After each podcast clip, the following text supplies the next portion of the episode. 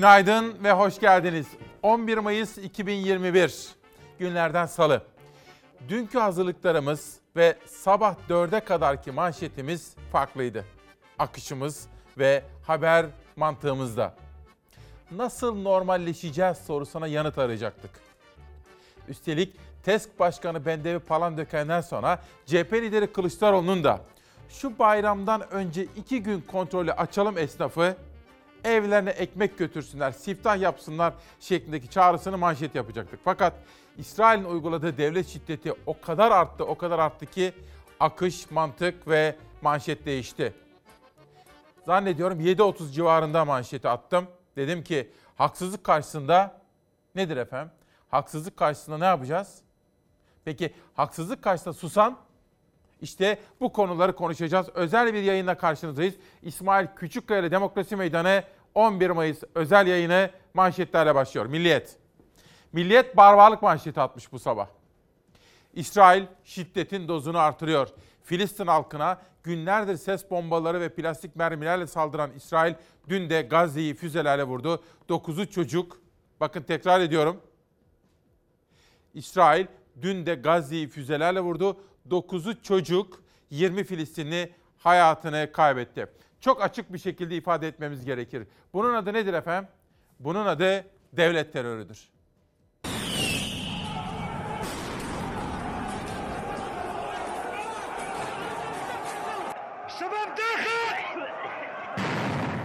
Filistin sivillerin olduğu alanları bombalamayın dedi ancak İsrail çoluk çocuk dinlemedi. Saldırılarda 9 çocuğun hayatını kaybetmesi dünyayı ayağa kaldırırken İsrail'in saldırıları sonucu yaşamını yitirenlerin sayısı 95'e yükseldi.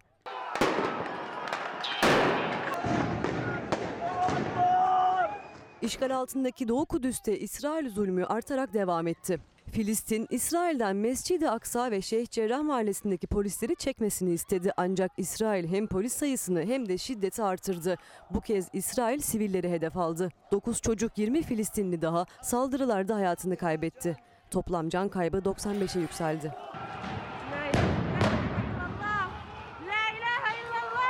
Gazze'de insanlık dramı yaşanırken çocuklar hedef alınmışken İsrail'in 1967 işgalinin yıl dönümü olarak kutladığı Kudüs gününde yükselen dumanların karşısında kutlamalar yapılması akıllara durgunluk verdi. Sivilleri öldüren İsrail öncesinde de Mescid-i Aksa'da nöbet tutan Filistinlilere saldırdı. Göz yaşartıcı gaz ve ses bombalı baskında yüzlerce kişi yaralandı. Olaylarda Musevi bir yerleşimci otomobiliyle Filistinlileri ezmeye çalıştı.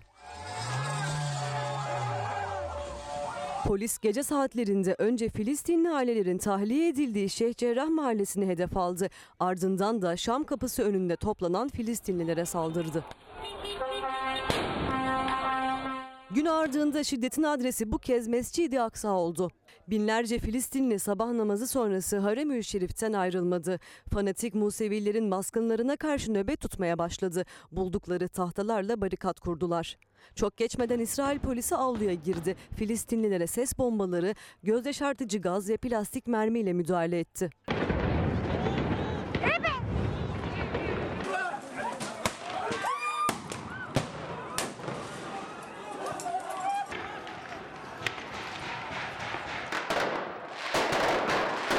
Saldırıyla ortalık savaş alanına döndü. Filistinliler sert müdahaleye taş atarak yanıt vermeye çalıştı. İsrail polisi ses bombaları ve göz yaşartıcı gazla saldırılarına devam etti.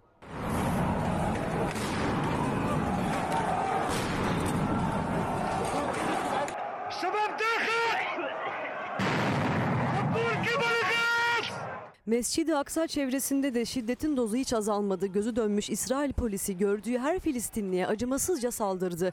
Yakaladıkları gençleri bir köşede sıkıştırdı. Aralarını alarak tekme ve yumruk attı.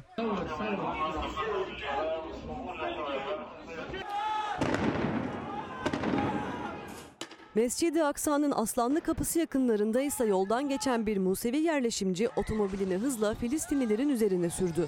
Aracın çarptığı Filistinli bir genç havaya savruldu.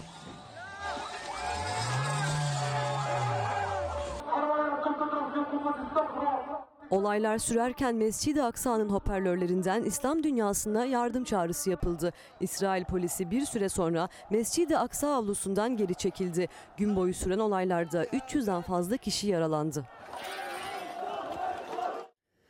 Haksızlık karşısında dedik bu sabahki manşetimiz. Bakın korona günlerindeyiz tabii kapanma zamanlarındayız. Hatta koronavirüs raporlarında da yansıyor bakın. Ve Ankara'dan şöyle tam olarak bir daha göstereyim sizlere.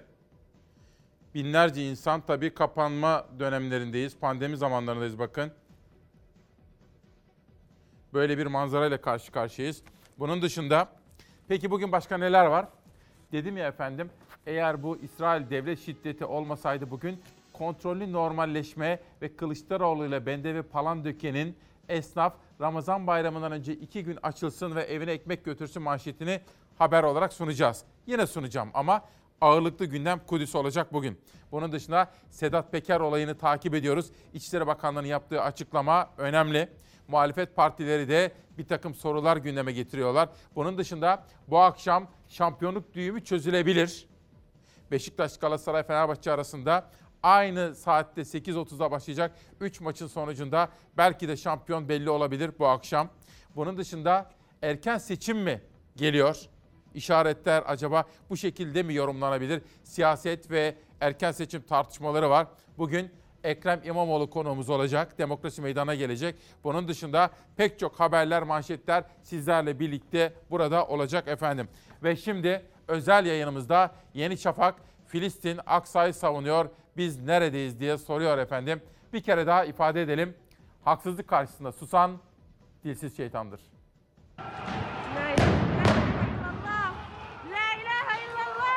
Türkiye Büyük Millet Meclisi olarak bu zulmü ve hukuk tanımazlığı şiddetle kınıyoruz. İsrail'in zulmüne Türkiye Büyük Millet Meclisi bir ağızdan tepki gösterdi. Beş partinin imzasıyla İsrail'e kınama mesajı yayınlandı. Cumhurbaşkanı Erdoğan da Kudüs için diplomasi trafiğini hızlandırdı. Ürdün Kralı ve Kuveyt Emiri ile görüştü. Saldırıların muhatabının Müslüman alemi olduğunu vurguladı.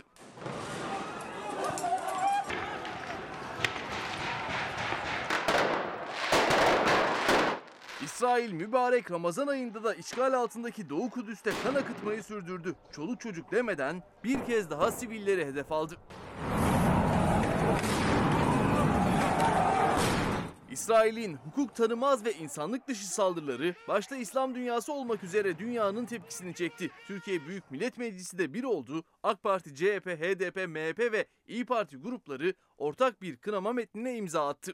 İsrail'in Kudüs'e ilişkin Birleşmiş Milletler Güvenlik Konseyi, Birleşmiş Milletler Genel Kurulu kararları dahil olmak üzere uluslararası hukuka aykırı uygulamalarına karşı uluslararası toplumun daha fazla vakit kaybetmeden etkili ve sonuç verici bir şekilde harekete geçmesi için bütün dünyaya çağrıda bulunuyoruz. İsrail'e hukuki yaptırım da talep etti Türkiye Büyük Millet Meclisi. Uluslararası Ceza Mahkemesi'ni göreve çağırdı. Uluslararası Ceza Mahkemesi'nin yaşanan olaylar ve insanlık suçları bakımından İsrail'e karşı net bir tavır alarak görevini yerine getirmesini talep ediyor ve destekliyoruz. CHP lideri de Cumhurbaşkanı Erdoğan'a çağrıda bulunarak Birleşmiş Milletleri saldırıların önlenmesi için daha fazla rol almaya zorla dedi. İsrail'in yaptığı katliamdır. Erdoğan'a açık çağrı yapıyorum. BM'yi daha etkin olmaya zorlayacak girişimleri derhal başlat. Cumhurbaşkanı Erdoğan'ın da dün gece boyunca Kudüs konusunda temasları oldu. Ürdün Kralı 2. Abdullah ve Kuveyt Emiri sabahla konuştu. Dünyanın saldırılara güçlü ve caydırıcı bir tepki vermesi gerektiğini vurguladı. Saldırıların önüne geçilmesi için ortak çalışma yapılması gerektiğini hatırlattı. Ve ortak bir ses yükseldi Türkiye'den ve aynı zamanda Türkiye Büyük Millet Meclisi'nden Adalet ve Kalkınma Partisi, CHP, MHP, İyi Parti ve HDP. İsrail'in devlet şiddetini kınadılar. Ortak bir deklarasyon yayınladılar. O da çok nadir gördüğümüz ve önemli olaylardan, birliktelik mesajlarından biridir. Bugün sizlere orada yaşananları da detaylı olarak anlatmaya gayret edeceğim. Bu ana gündem maddem. Bugün 11'e kadar işte bu konudaki haberler, yorumlar, manşetler içeriden dışarıdan dünyanın manşetleriyle bunu konuşacağız. Bir. iki. Korona, vaka sayısı, aşı, aşılama. Dün Emrah Altındiş hocamızın yaptığı açıklamalardan sonra meydana gelen gelişmeler ve politikalar. ikinci gündem maddesi. 3. TESK Başkanı Bendev Palandöken ve CHP lideri Kılıçdaroğlu'nun gündeme getirdiği Ramazan bayramından önce hiç olmazsa iki gün açsak esnafı bir parça rahat ederler şeklindeki açıklamalarını da takip edeceğim. Ve 4. Sedat Peker olayı, Sözcü. Eski İçişleri Bakanı Tantan'dan Sedat Peker yorumu. Menfaat çatışması ortalığa döküldü. Sözcü TV'ye çıkan Saadettin Tantan'a suç örgüt lideri Peker'in bahsettiği 4.9 ton kokain Türkiye'de kime gelecek sözleri soruldu. İşte söyledikleri. Menfaatler bakımından bir çatışma olduğu belli. Bu açıklama çok vahim. Özellikle kokainin Türkiye'de kimler tarafından kullanıldığı, bunlara kimlerin aracı olduğu ve kimlerin bu işten zenginleştiği ortaya çıkarılmalı. Bu çok zor bir şey değil. Cumhurbaşkanı emri verir, savcılar ve İçişleri Bakanı konunun üzerine gider, her şey ortaya çıkar. Sedat Peker ve diğerleri gibi daha ortaya çıkmamış bir sürü insan var. Siyasetçisinden hakimine, bürokratından iş adamına kadar hepsi biliniyor. Geçmişte bu menfaat çatışmalarından dolayı çok şey kaybedildi. Bunların temizlenmesi gerekiyor. Türkiye büyük bir devlettir. Bunu bir anda ortadan kaldırabilir.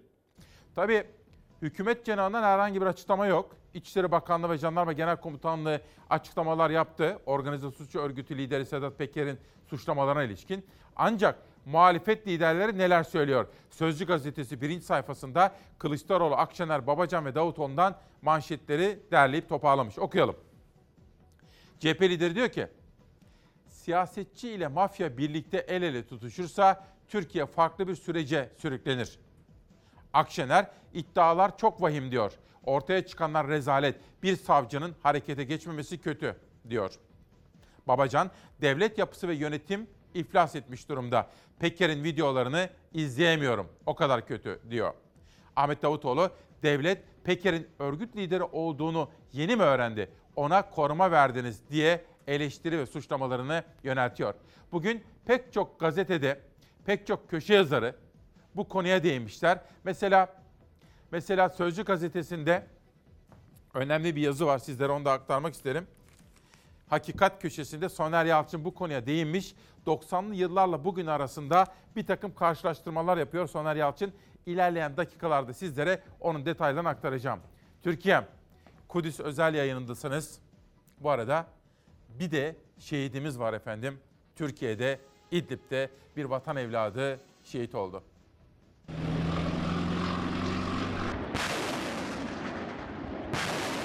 İdlib'de görevli Mehmetçik teröristlerin hedefi olduğu hain saldırıda bir askerimiz şehit oldu, dört askerimiz yaralandı.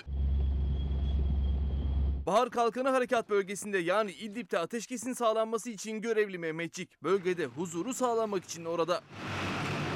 İdlib'de Türk Silahlı Kuvvetleri'ne ait İkmal konvoyu dün teröristlerin alçak saldırısına uğradı. Teröristler roketle saldırdı konvoya. Alçak saldırıda bir Mehmetçik şehit oldu, dört Mehmetçik yaralandı.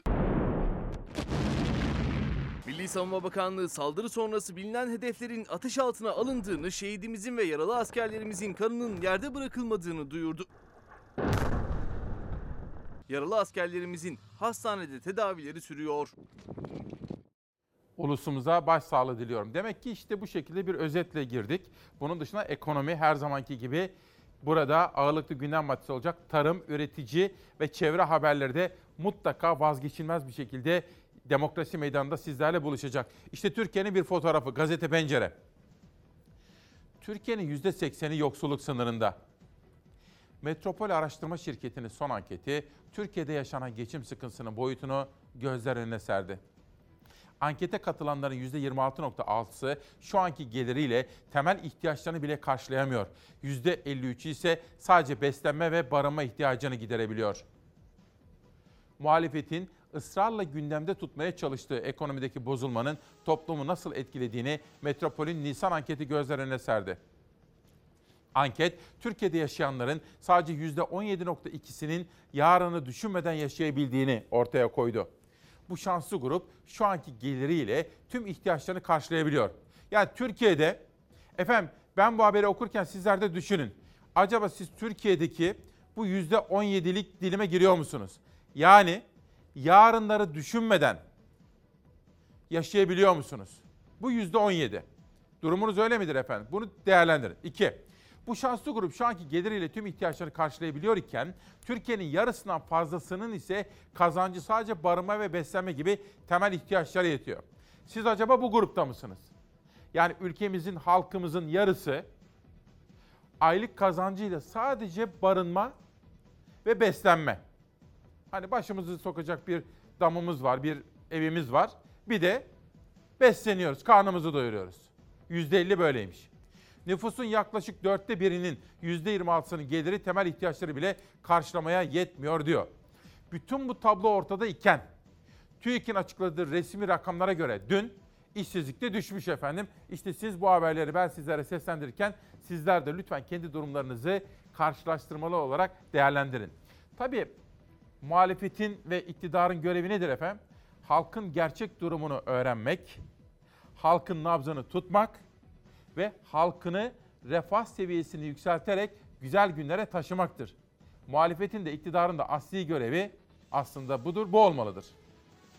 Bir ülkenin üzerinde ekonomisinin, hukukun üzerinde kara bulutların dolaşması çözümü seçimdir. O kara bulutlar kasvet haline gelirse, seçim olmazsa yıldırım düşer. Yani ülkede gerilim olur. Muhalefet ekonomiyi, yargıyı önceleyerek bir erken seçim ısrarını sürdürüyor. Gelecek Partisi lideri Davutoğlu T24'te Murat Sabuncu'ya konuştu. Seçim olmazsa gerilim olur uyarısıyla iktidara hodri meydan dedi. Seçim rahatlatır ülkeyi. erken seçim diye tutturanlar iyi bilsinler ki seçimler zamanında yapılacak. Eğer iktidardakilerin hala meşru desteği varsa Odri meydan çıkarlar ve rahatlarlar. Baktık ki güçlenmiş parlamenter sistem önemli bir ortak payda. Hiç olmazsa dedik oradan görüşmeye başlayalım. Parlamenter sistem önemli bir sınavdır. Deva Partisi lideri Babacan da Halk TV'ye konuştu. Güçlendirilmiş parlamenter sisteme geçiş hazırlığı için atılan adımlar Millet İttifakı'nın genişlemesine yönelik sınav dedi. İyi Parti lideri Meral Akşener'in Deva ve Gelecek Partileriyle ortak bir parlamenter sistem düzenlemesi için beraber olacaksak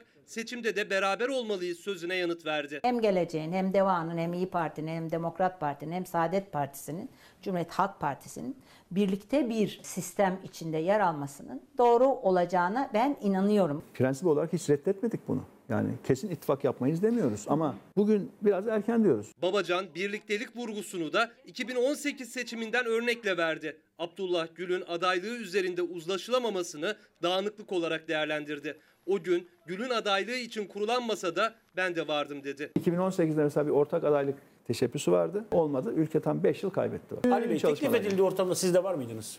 Tabii ki vardım. Bu halk artık oksijeni daralmış odadaki bir canlı gibi hissediyor kendisini. Burada artık seçim bir zaruret haline alır. Muhalefet acil bir erken seçimi, güçlendirilmiş parlamenter sisteme geçiş için Millet İttifakı'nı genişletmeyi artık daha sık dillendiriyor. Peki Hürriyet gazetesi hangi olayla bugün okurların karşısına çıkmış? Elimi bırakma öğretmenim diyor. İstanbul'da 13 öğretmen insanların sokağa bile çıkmaya korktuğu salgın ortamında her gün hastanelere gidip organ nakli bekleyen lösemi tedavisi gören çocuklara yüz yüze eğitim veriyor diyor efendim. İşte bu da bugün Abdullah Şanlı'nın yazdığı bir haber ve eğitim hayatı ile ilgili fedakarlığı gösteren bir manşet. Peki şuna ne diyorsunuz? Vaka sayıları düşüyor. Vefat sayıları da düşüyor. Nasıl normalleşeceğiz? İşte önümüzdeki haftadan itibaren kademeli normalleşmemiz gerektiğini unutmadan düşünmemiz gereken temel mesele bu. Nasıl normalleşeceğiz?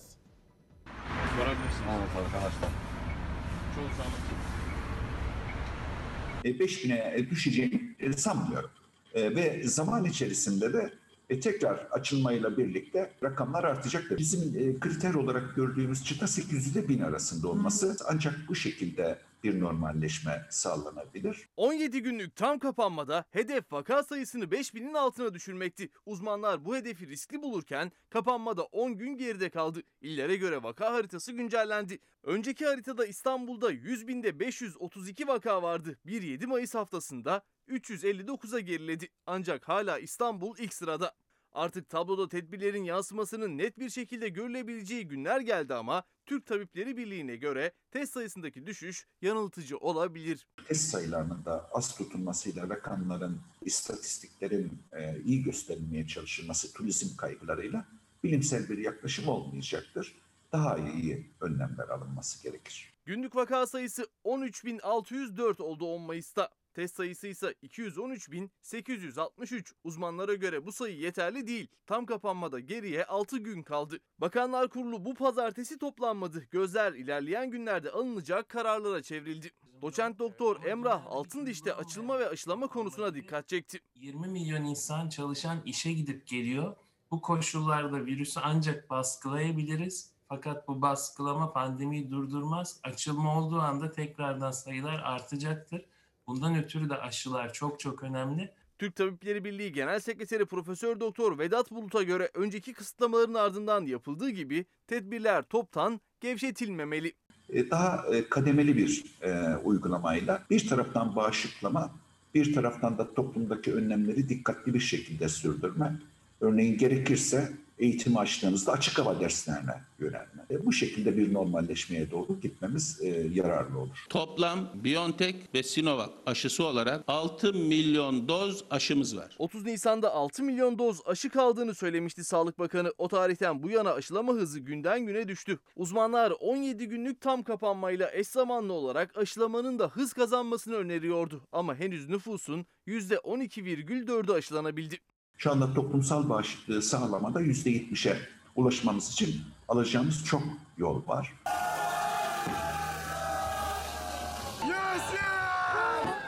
İşte bu be! İşte bu! Adana Demirspor ve Giresunspor'un Süper Lig'e yükselmesi ise kapanma tedbirlerini unutturdu. Türkiye Futbol Federasyonu 18 Mayıs'taki Ziraat Türkiye Kupası finalinin 3'te 1'i oranında seyirciyle oynanacağını açıkladı. Şimdi tabii aklınıza bir takım sorular geliyor. Geliyor değil mi efendim? Mesela ne geliyor? Sema Hüner diyor ki Mayıs'ın 11'i aşılama neden durdu? Diye bir soru. Mantıklı bir soru. Bir başkası. Turan Aydoğan. Ceza ve tevkif evleriyle ilgili bir soru önergesi vermiş. Bize göndermiş. Covid sürecinin başından beri ceza ve tutuk evlerinde yaşanan hak ihlallerini takip ediyorum. Bu konu özelinde Adalet Bakanı'na cezaevlerindeki korona durumunu birkaç kez sordum fakat yanıt gelmedi. Demek ki Ceza Tevkif Evleri Genel Müdürlüğü'nün ve Adalet Bakanlığı'nın bu konuda bir açıklama yapması gerekiyor. Ceza ve tutuk evlerinde yakın olan aileler bize ulaşıyorlar. Her sabah da sizi izledikleri için mutlaka bu konuyu gündeme taşımanızı rica ediyoruz diyor efendim. CHP İstanbul Milletvekili Turan Aydoğan ceza evleriyle ilgili bir bilgi göndermiş bize. Bu arada haber yapacak mısınız diyor bakın. İstanbul'da kısıtlamalar devam ederken bazı sivil toplum örgütlerinin çağrısıyla yüzlerce kişi İsrail'in Filistinlere yönelik saldırılarını protesto etmek için İsrail Başkonsolosluğu önünde toplandı. E hakikaten şimdi nasıl olacak bu iş ya? Şimdi bu AK Parti'nin kongreleri vardı. Sonra maçlar, işte Adana Demirspor, Giresunspor, herkes sokaklarda. Yani galiba biz ne yaptık biliyor musunuz? Kapanma dedik ama kızmasınlar bana da bunun adı kapanma değil. Böyle kapanma olmaz. 16-17 milyon insan çalışırken işte insanlar sokaklarda bakın protesto eylemleri. Yani küçük esnafı kapattık biz sadece iyi mi? Bir de evde zaten duran 65 yaşın üstündeki büyüklerimizi kapattık. Ya bunun adı tam kapanma değil. Kimse bana kızmasın da düşündüğümü söylemezsem de burada durmanın anlamı yok ki. Bir gün. Şimdi Nazan Moral hocamız insan hakları aktivistidir. İstanbul Barosu'nun başkan yardımcısıdır. O da diyor ki bugün tam da yıl dönümü. İstanbul Sözleşmesi 10 yaşında diyor. Bir günden bir manşet okuyacağım. İstanbul Sözleşmesi'nin 10. yılında kadınlar ayakta mücadeleden vazgeçmiyoruz. İstanbul Sözleşmesi kağıda atılan kuru bir imza değil, yaşayan ve yaşatan bir mücadelenin ürünüdür. Sözleşmenin 10. yılında kadınlar ülkenin her köşesinde haykırıyor. Mücadeleden geri dönüş yok diyor. Tam da bugün yıl dönümü efendim. Tabii hükümet şurada bir hata yaptı küçük siyasi çıkarlar, beklentiler, ne bileyim Oğuzhan Asıltürk'le yapılan görüşmeden sonra gündeme gelmişti. Çok küçük bir kitlenin talepleri için geniş bir kitlenin sesini duymazdan geldiler. Bence bu siyaseten de yapılmış bir hatadır. Ve kadın cinayetlerini durdurmak zorundayız. Bu kadar. Hoşçakalın. Belki yüzlerce bebek doğdu ellerine. O her yeni günde anne adaylarının sevinçlerine ortak olurken doğumuna şahit olduğu bebeklerle anılan adı tam da anneler gününde kadın cinayetine kurban giden talihsiz kadınların arasına yazıldı. Kadın doğum uzmanı operatör doktor Zeynep Erdoğan eşi tarafından katledildi. Eşinizi neden öldürdünüz? Korkunç cinayet Ankara Çankaya'da yaşandı. Üç çocuk annesi kadın doğum uzmanı Doktor Zeynep Erdoğan anneler gününde oğluyla evde yalnızdı. İki çocuğunu ayrıldığı eşinin yanına göndermişti. Akşam saatlerinde 8 ay önce evlendiği eşi M.E. eve geldi. İddialara göre Erdoğan çifti arasında kıskançlık krizi nedeniyle başlayan sözlü tartışma bir süre sonra hunharca bir cinayete dönüştü. Gözü dönmüş kocası kadının ve 14 yaşındaki oğlunun ellerini ayaklarını bağlayıp işkence yaptı. Ardından kadın bıçaklanarak katledildi. Hiçbir şey duymadım. Yani sakin, hoş bir aile tablosu vardı. Çocuklarla, çocuklar çok mutlu. Ben bahçıvanlıyım onların. Ağaç falan alacaklardı. Meyve ağacı falan onları dikecektik. Öyle bir planımız vardı. Perşembe günü falan konuştuğumuzda öyle söylüyordu. Olay sonrası kaçan katil zanlısı başka bir adreste yakalandı. Görgü tanıklarının ifadelerine göre ise o 14 yaşındaki küçük çocuk işte bu evin bodrum katında bulunan kapıdan çıkarak yardım çağrısında bulundu. İşkence gören, travma yaşayan 14-15 yaşındaki çocuğu ben ilk defa dün gördüm. Çocuk sadece infial halindeydi, şok halindeydi. Eşinizi neden öldürdünüz? Katil zanlısı M.E. birkaç saat içinde cinayet işlediği eve yakın bir noktada yakalandı. Dolandırıcılık gibi suçlardan ondan fazla kaydının olduğu daha önce cezaevinde yattığı ortaya çıktı. İddiaya göre Zeynep Erdoğan 4 ay önce de kendisini öldüren eşinden tehdit suçlamasıyla şikayetçi olmuş ancak bir koruma kararı aldıramamış. İnsan ne diyeceğini bilemiyor artık efendim. Cumhuriyet Gazetesi'nin manşeti. Derin ilişkiler. Barış Pehlivan imzalı bir haber. Peker'in iddiaları siyaset, mafya, jandarma, emniyet ağını ortaya koydu. Milyonlarca kişi nelerin saklandığını öğrenmek için çete lideri Sedat Peker'in videolarını izliyor. AKP milletvekili Tolga Ağar, jandarma, başsavcılık, bakanlık iftira diyor. Peker, Beykoz konaklarındaki bir olayın da kapatıldığını ileri sürerek 3 emniyet müdür yardımcısını tanık gösterdi. O polislerin görevden alınma tarihleri Peker'in iddialarıyla kesişiyor.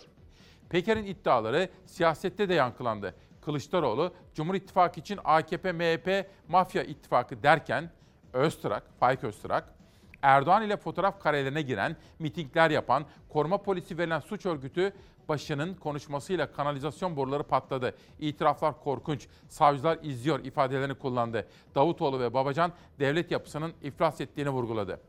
Cumhuriyet Gazetesi'nin birinci sayfa editörleri hemen yan tarafta 3 fotoğraf kullanmışlar. Bir tanesi Arif Çetin ve Selahattin Yılmaz. Bir diğeri Alaaddin Çakıcı ve Selahattin Yılmaz. Bir diğeri Tolga Ağar ve Arif Çetin'le ilgili bir fotoğraflar yer almış. Cumhuriyet Gazetesi'nden Türk Gün Gazetesi'ne geçiyorum. İsrail'in uyguladığı devlet terörü manşette. Vahşet bitmiyor. Mescid-i Aksa zulme direniyor. İsrail polisi işgal altındaki Doğu Kudüs'te yer alan Mescid-i Aksa'ya baskın düzenlenmesini önlemek için Harem-i Şerif'te nöbet tutan Filistinlere saldırdı. 300'den fazla yaralı var. Binlerce Filistinli Mescid-i Aksa'ya doğru yürüyor diyor efendim. Bir de sağlık haberimiz var ama sağlık demişken önce Sevinç Kardeşer 85 yaşında bir cumhuriyet kadını Denizlili kızı ve torunuyla birlikte onlardan bir fotoğraf. Sevinç Kardeşer'e de buradan geçmişler olsun diyorum efendim. Bir de heh, şunu arıyordum. İbrahim İnci'nin de bugün doğum günüymüş efendim. Sevenleri onun doğum gününü kutluyorlar. Sırada bir sağlık haberi var, bir farkındalık haberi. Mutlaka dikkat etmemiz gereken bir manşet. Özellikle pıhtı atması sonucu gelişen inmelerde erken müdahaleyle özellikle uygun merkezlerde e, hastalarımız şifa buluyor ve engelli olacakken kendi yaşamını kendi sürdürebiliyor. Bunun için tabii ki inme farkındalığı çok çok önemli. 10 Mayıs Dünya İnme Önleme Günü'nde bir kez daha erken müdahalenin önemine dikkat çekti uzmanlar. Vaktinde ve doğru uygulanan tedaviyle felcin kalıcı etkilerinden kurtulmak mümkün. Dünyada e, her yıl 17 milyon kişi inme geçiriyor. Türkiye'de ise ortalama 140 bin kişi inme geçiriyor. Yüz, kol ve bacakta hissizlik, halsizlik, kuvvet kaybı, bilinç bulanıklığı ya da konuşma bozukluğu, yürüme güçlüğü inmenin başlıca belirtileri arasında. Önce önemsenmiyor ama müdahalede geç kalınırsa sonuçları ağır oluyor. Özellikle pandemi nedeniyle COVID-19 salgınında maalesef halkımız e, oluşan bulguları evde geçiştirmeye çalışıyor. Bu nedenle hastaneye geç başvuruyorlar. Geç başvurdukları için de damar açıcı tedavilerden maalesef yoksun kalıyorlar ve iyileşmeleri çok çok gecikiyor. İnme nedenli ölümler dünyada Covid nedenli ölümlerden çok daha fazla. Koronavirüs salgınında iyice geç kalmaya başladı hastalar. Türk Beyin Damar Hastalıkları Derneği Başkanı Profesör Doktor Atilla Özcan Özdemir inme belirtilerini hatırlattı. Vakit kaybetmeden sağlık kuruluşlarıyla iletişime geçilmesini istedi. Şu bulgulardan bir tanesi varsa mutlaka 112 arayalım. Kolda ve bacakta güçsüzlük, konuşmada bozukluk, ağızda kayma. Bunlardan bir tanesi varsa mutlaka 112'yi arayalım. Sağlık haberleri gibi üretici haberleri de var. Fevzi Ok, Akhisar'dan Ticaret Odası'nda yönetim kurulu üyesi Fevzi Ok'la dün konuştum. Zeytin ve zeytin üreticisinin derdini, sesini duyurmak istiyor efendim. Kendisine çok teşekkür ediyorum. Konuşmalarımız devam ediyor. Biraz sonra Ertuğrul Özkök bir yazı yazmış. Yazının içinde AK Parti'den çok önemli bir isim Cumhuriyet Gazetesi'ni aramış. Acaba neden? Sizlere özet yapacağım. Sedat Peker, organize suç örgütü lideriyle ilgili gelişmeler konusunda 90'lı yıllarla bugün arasında bir karşılaştırma. Bugün Sözcü'de Hakikat Köşesi'nde Soner Yalçın. Bunu sizlere özetleyeceğim. Yine aynı konuda kalem oynatan Doğan Tılıç hocamız organize suç örgütü tanımlaması ve bu konudaki düşünceleri. Bir de Ekrem İmamoğlu geliyor. Ona da Salih Tuna'nın yazısından bir soru yönelteceğim biraz sonra efendim. Ama önce reklam molası. Bugünkü manşetimizi tekrar ediyorum.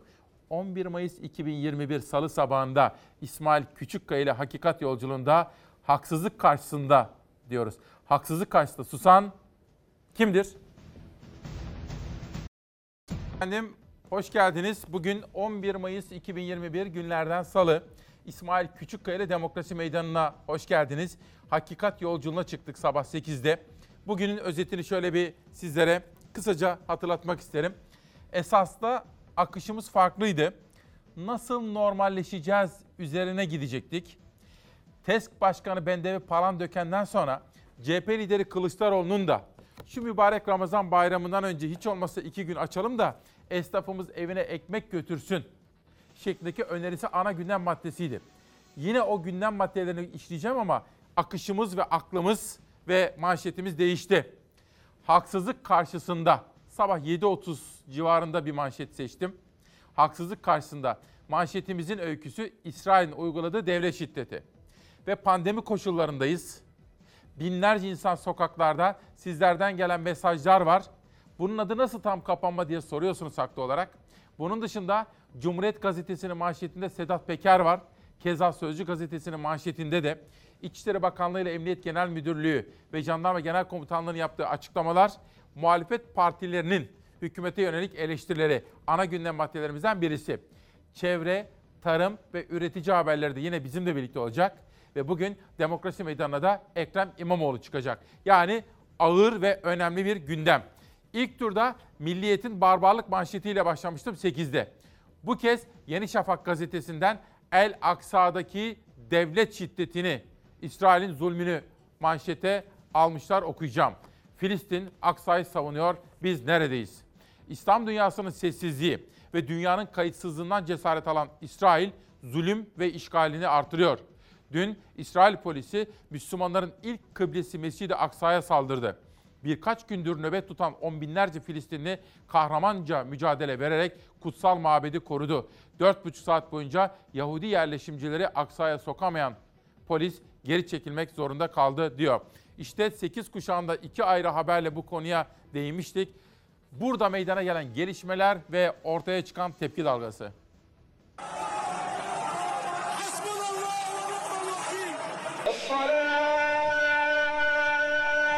İsrail'in Filistinlilere yönelik zulmüne karşı Türkiye tek yürek oldu. Camilerden selalar okundu. İktidar ve muhalefet İsrail şiddetine karşı ses yükseltti. İnsanlık dramı tüm Türkiye'de gece boyunca protesto edildi.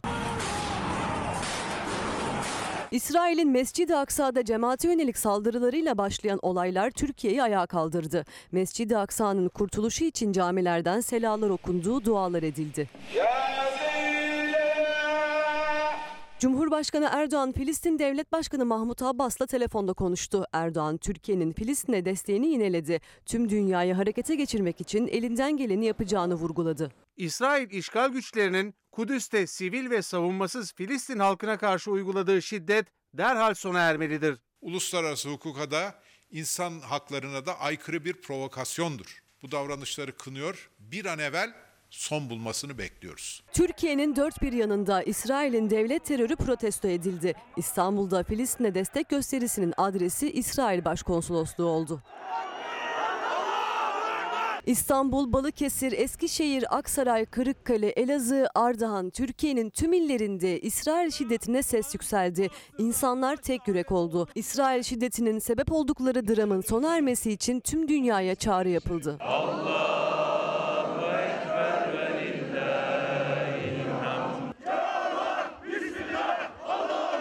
Dışişleri Bakanı Çavuşoğlu da İsrail zulmüne dikkat çekti. Vahşete ses çıkarmayanlara tepki gösterdi. Bu vahşete ses çıkarmayanlar Orta Doğu barış sürecinden bahsetmesin. Filistinli kardeşlerimizin sesi olmaya, haklarını savunmaya devam edeceğiz. Birleşmiş Milletler Genel Sekreteri Guterres ise Tel Aviv yönetiminin yıkım ve tahliyeleri durdurması için çağrı yaptı.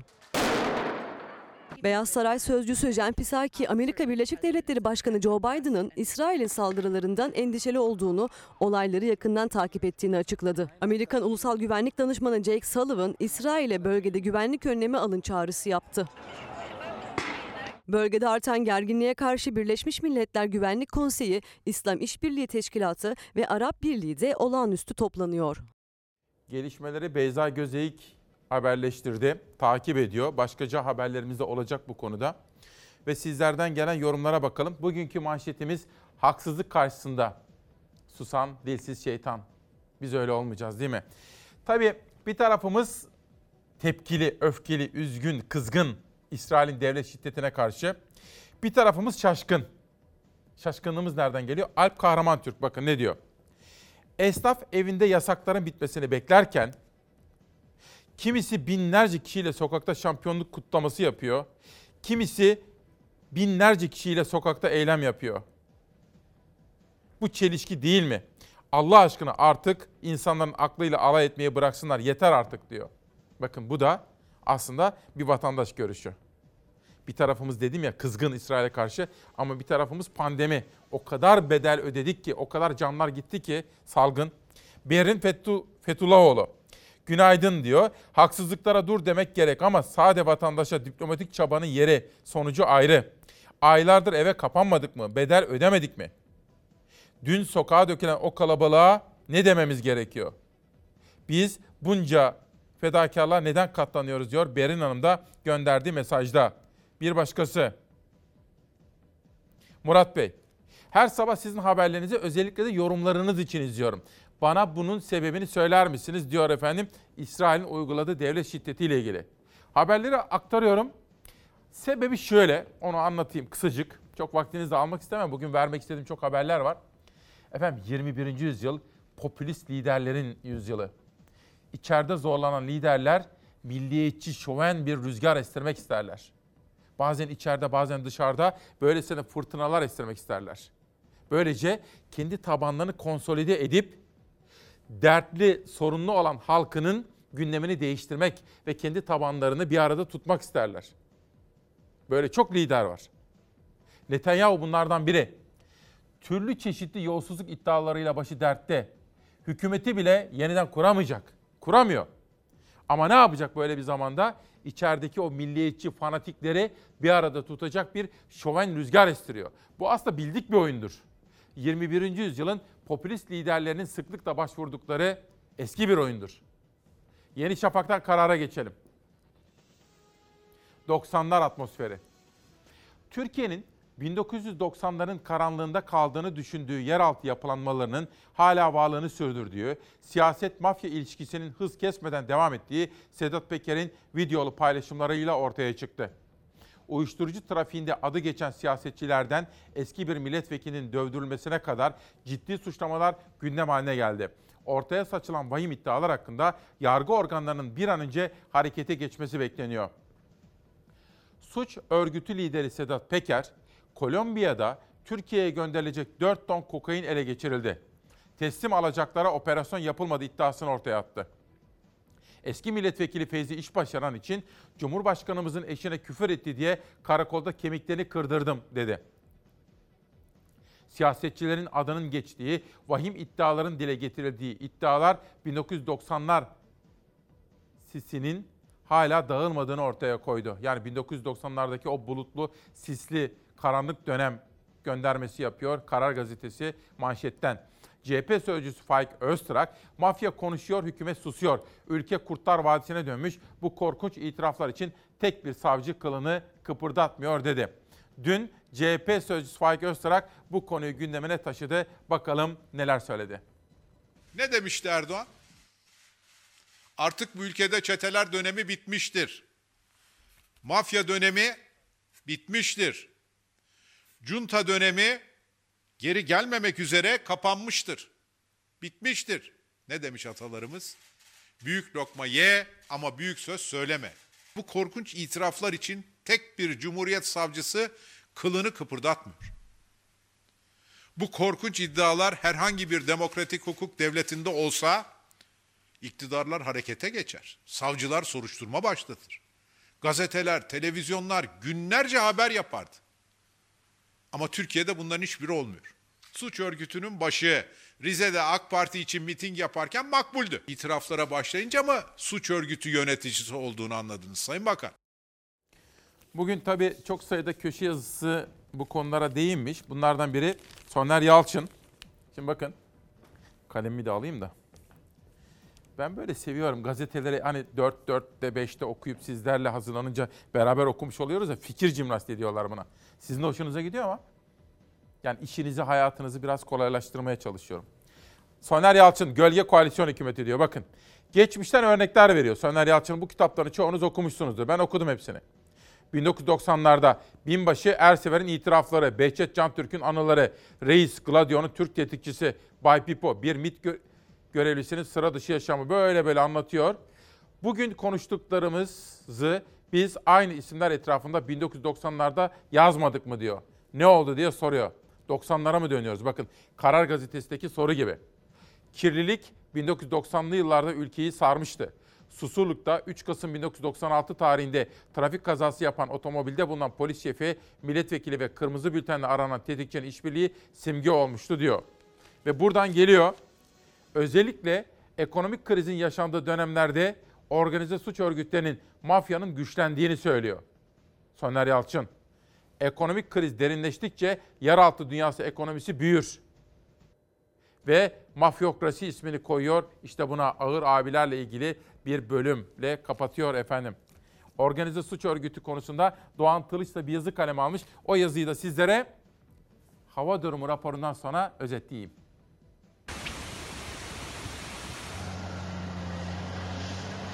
Koçtuzu Yaylası'nın yolunu açıyoruz değerli arkadaşlar. Yaylalara kar yağmaya devam ediyor. Yurdun bir tarafında yağış sürpriz yaparken diğer tarafında kuraklık can yakıyor. Küçükbaş hayvancılık sektörü şu anda bu kuraklıkla e, boğuşuyor. Hayvansal üretimde, tarımsal üretimde kuraklıkla mücadele ediyor. Başta yurdun güneydoğusu olmak üzere pek çok farklı bölge ve ilden kuraklık haberleri gelmeye devam ediyor. Mardinli buğday üreticisi de aynı dertten müzdarip.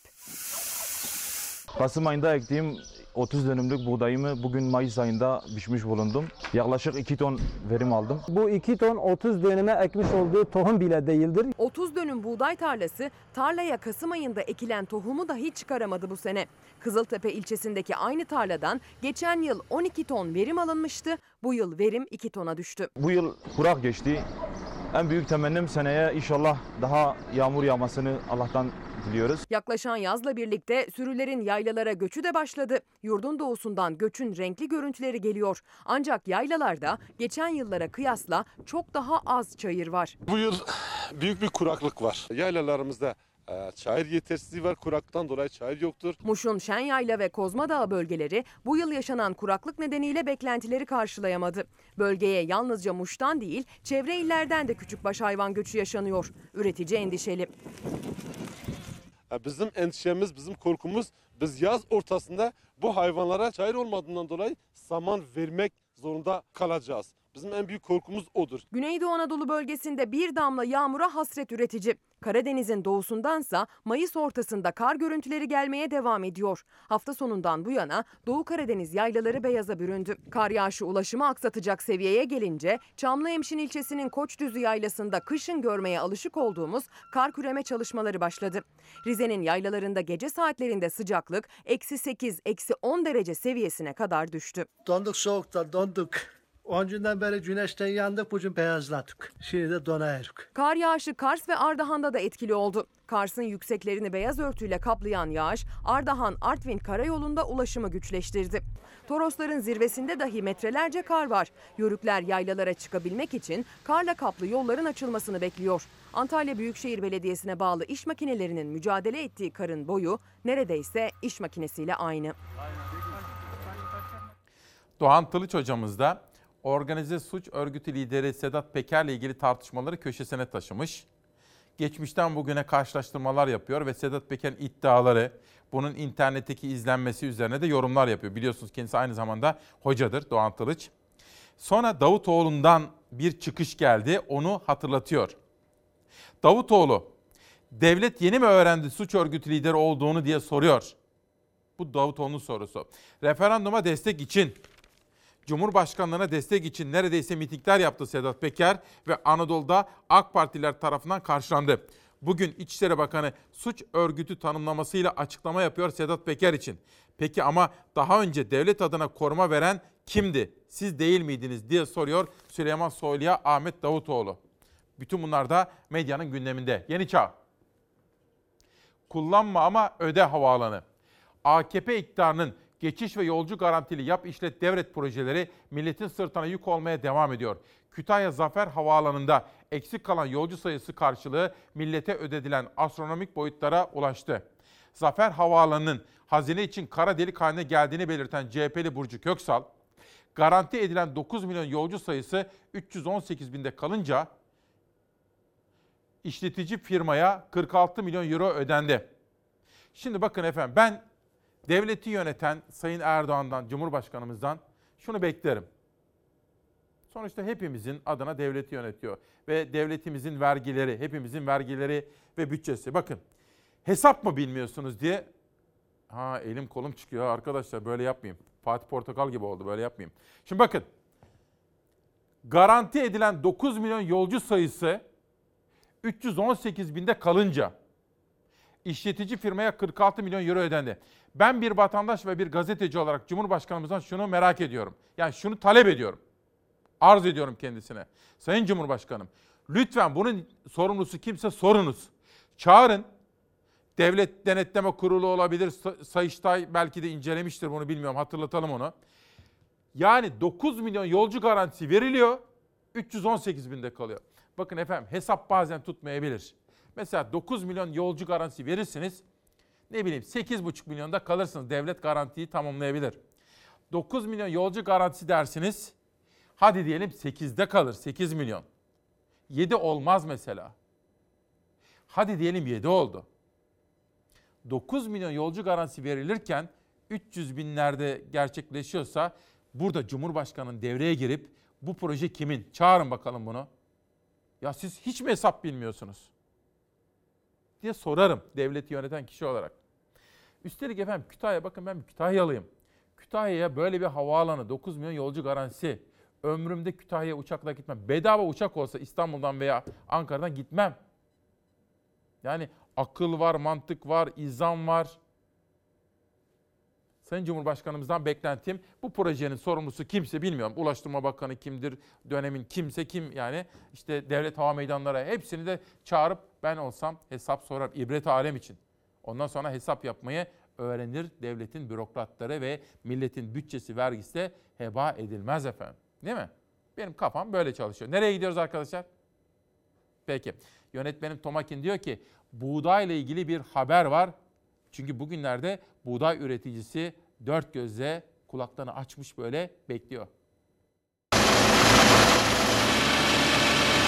Pandemi döneminde tüm dünya kendi kendine yetebilecek noktaya üretimini taşıdı Ülkemizde ise ne yazık ki 10 milyon tonluk açığımız var. Buğday hasadı başlıyor. Üreticisi bir yandan kuraklıkla mücadele ederken bir yandan endişeyle açıklanacak taban fiyatı bekliyor.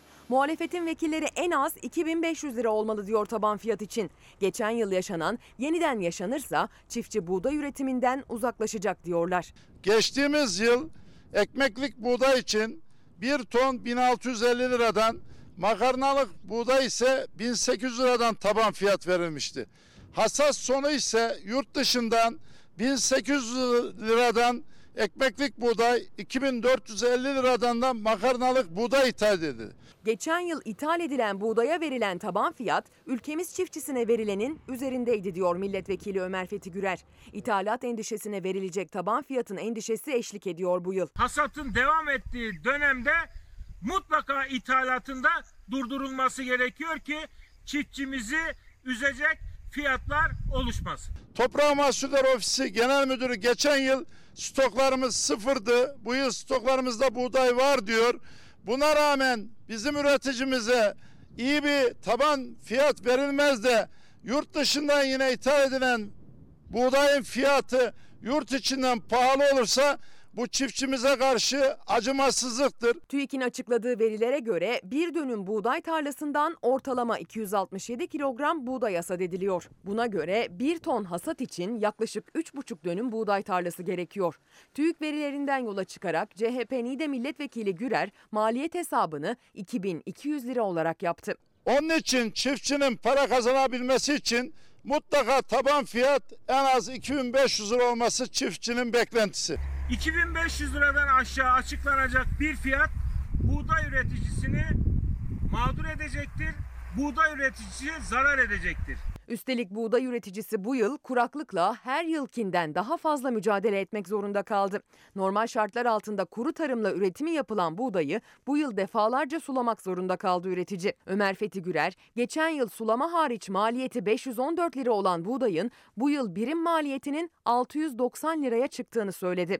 Yine sulama hariç. Üstelik maliyet kalemlerindeki artış sulamayla da sınırlı kalmadı. Gübre fiyatları %250 arttı. Öyle bir sene geçirdik ki gübreye ulaşımda bile çiftçiler sıkıntı yaşadı. Gübre bulamadılar. Ekmeklik buğday için 2500 lira, makarnalık buğday içinse 3000 lira taban fiyat muhalefet vekillerinin ortak çağrısı.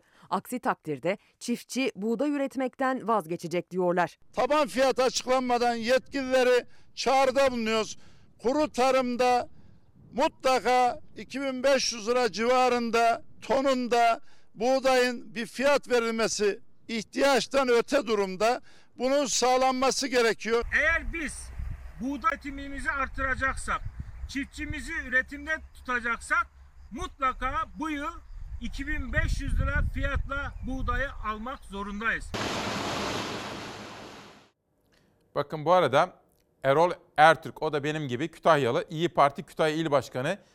Zafer Havaalanı sadece Kütahya için değil Afyon ve Uşak için de yapıldı ama üçünü toplasanız nüfusu yine de yılda bir defa hepsi uçağa binse yine de kurtarmaz diyor. Bu aslında yüce divanlık diyor. Ben istemez miyim memleketime taş üstüne taş konsun ama onun yerine mesela böyle boş bir yatırım, gereksiz bir yatırım yerine fabrika kursunlar, fabrika. Öyle değil mi? Kazım Bey de bir mesaj atmış. Fatih Portakal kardeşimiz de kulağını çınlattık. Ona ve eşi Armağan'a buradan sevgilerimi yolluyorum efendim. O artık kendi hayatında. Hayattan da memnun gözüküyor. Esenlik ve sağlık dileklerinde bulunuyorum kendisine, her ikisine birden. Artık bizde de Selçuk Tepeli kardeşim ana haberimizi sunuyor. E hayat böyle Murat özledik ama o da böyle tercih etti. Esenlik dileyelim. Yani bol şans dileyelim, mutlu olsunlar isteyelim. Biz de görevimizi yapıyoruz. İşte sabah çalar saatte İsmail Küçükkaya, akşam işte bizim Selçuk Tepeli kardeşimiz, hafta sonu Gülbin Tosun var, İlker Karagöz var, Burak kardeşimiz var. Yani ekip dayanışması içerisinde görevimizi yerine getirmeye çalışıyoruz. Yeni çıkan kitaplara baktığım zaman Alev Coşkun sağ olsun kitabı göndermiş bize imzalamış. Samsun'dan sonra en zor 19 ay. Tabii önümüzdeki hafta, tabii önce Ramazan bayramı, mübarek dini bayram. Ondan sonra da milli bayramımız 19 Mayıs'ı coşkuyla kutlayacağız efendim. Anlamına vara vara. Çalarsat gazetesi geliyor. Dün hani editörüm Zeray bana bir bilgi yollamıştı. İzmir'den Ergun Bey'den gelmişti.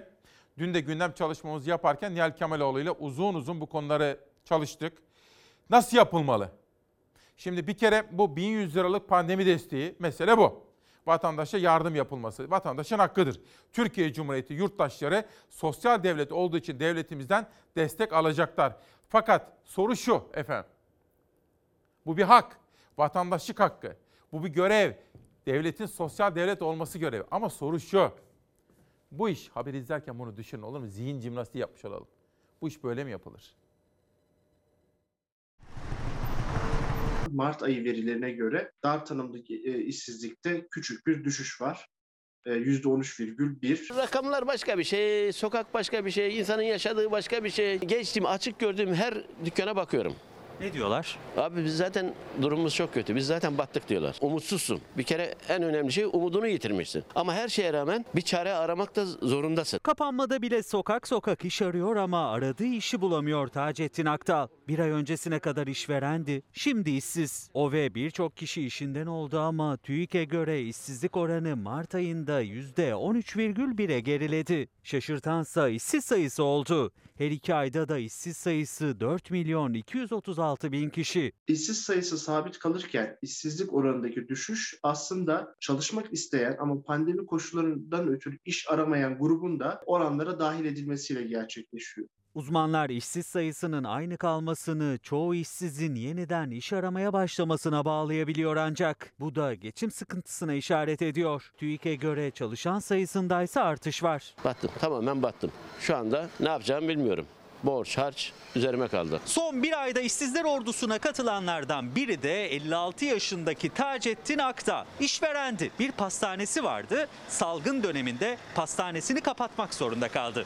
Şimdi işsiz. Kapanmada bile kapı kapı dolaşarak iş arıyor ama aradığı işi ne yazık ki bulamıyor. İşverensin, bir esnafsın. Sonra işsiz yani o psikolojiyi yaşayan anlar. İşsiz misiniz?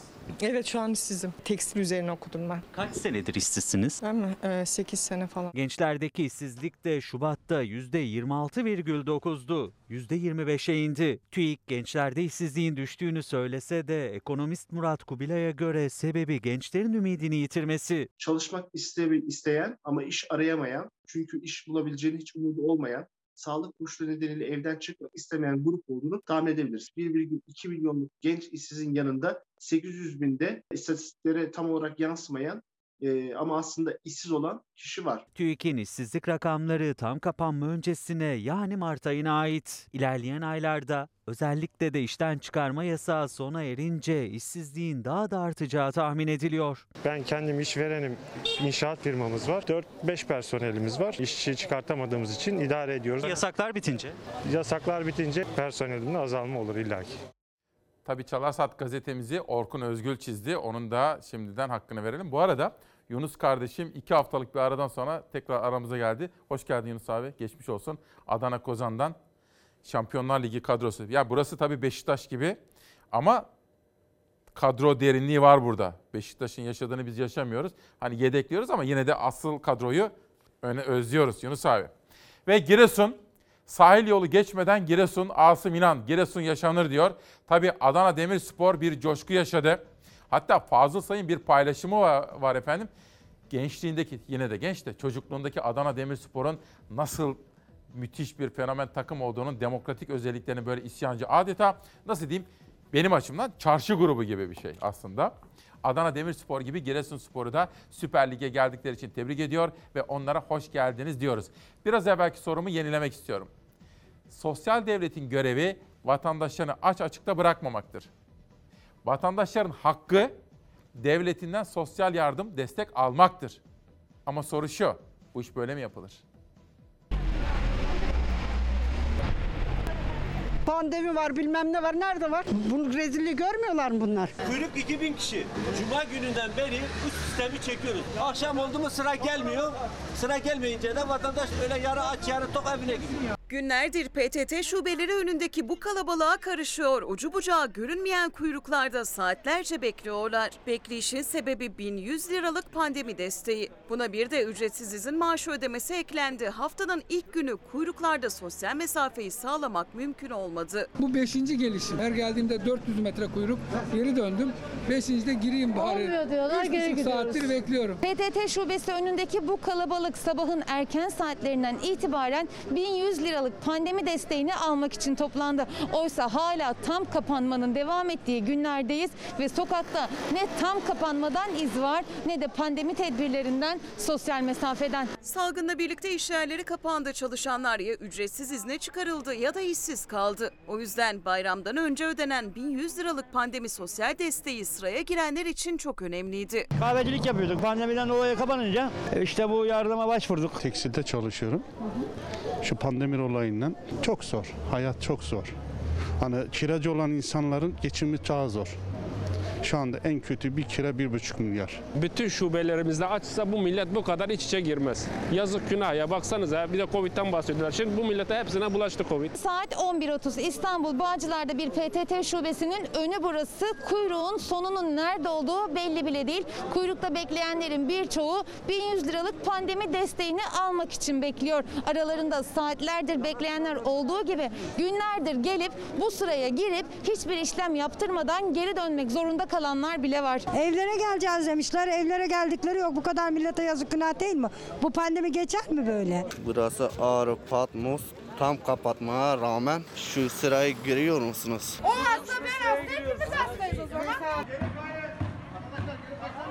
Benzer görüntüler farklı illerde de kaydedildi. Tam kapanmada zaten çalışan kesim dışarıda, çalışamayan kesimse bu kuyrukta. Rezillik yani al işte herkes iç içe. Nerede mesafe? Bin lira para veriyorlar onu da ağzından burundan getiriyorlar. Yani efendim doğru bir iş, doğru bir karar, doğru bir uygulama iyi yapılmalı. Değil mi? İyi yapmamız gerekiyor. Kadir Çankaya, o da 85 belki de 86'sında bir delikanlı diyor ki sevgili İsmail günaydın, hayırlı Ramazanlar. Hükümet kapanma döneminde çekleri bir ay erteledi, doğru yaptı. Fakat burada iş ve yük yine bizim gibi kobilerin üzerine bindi ertelenen çeklerden dolayı bankalara teminata verilen veya faktöringe kırdırılan çeklerin bir aylık gecikme faizleri bu dönemde ayakta durmaya çalışan KOBİ'lerin üzerine yıkılmıştır diyor. Hükümetin dikkatini çekmeye çalışıyor. Bu arada Kadir Çankaya demişken bizim Cavit Çağlar büyüğümüzün de dayısıdır. Cavit Çağlar da dün sizlere söylemiştim. Tamamen tesadüfen öğrendim. Cumhurbaşkanı Erdoğan'la görüştü. İstanbul'daki köşkte galiba Tarabya Köşkü'nde görüştü. Yaklaşık 70-75 dakika görüşmüşler. Ama aradım, teyit ettim.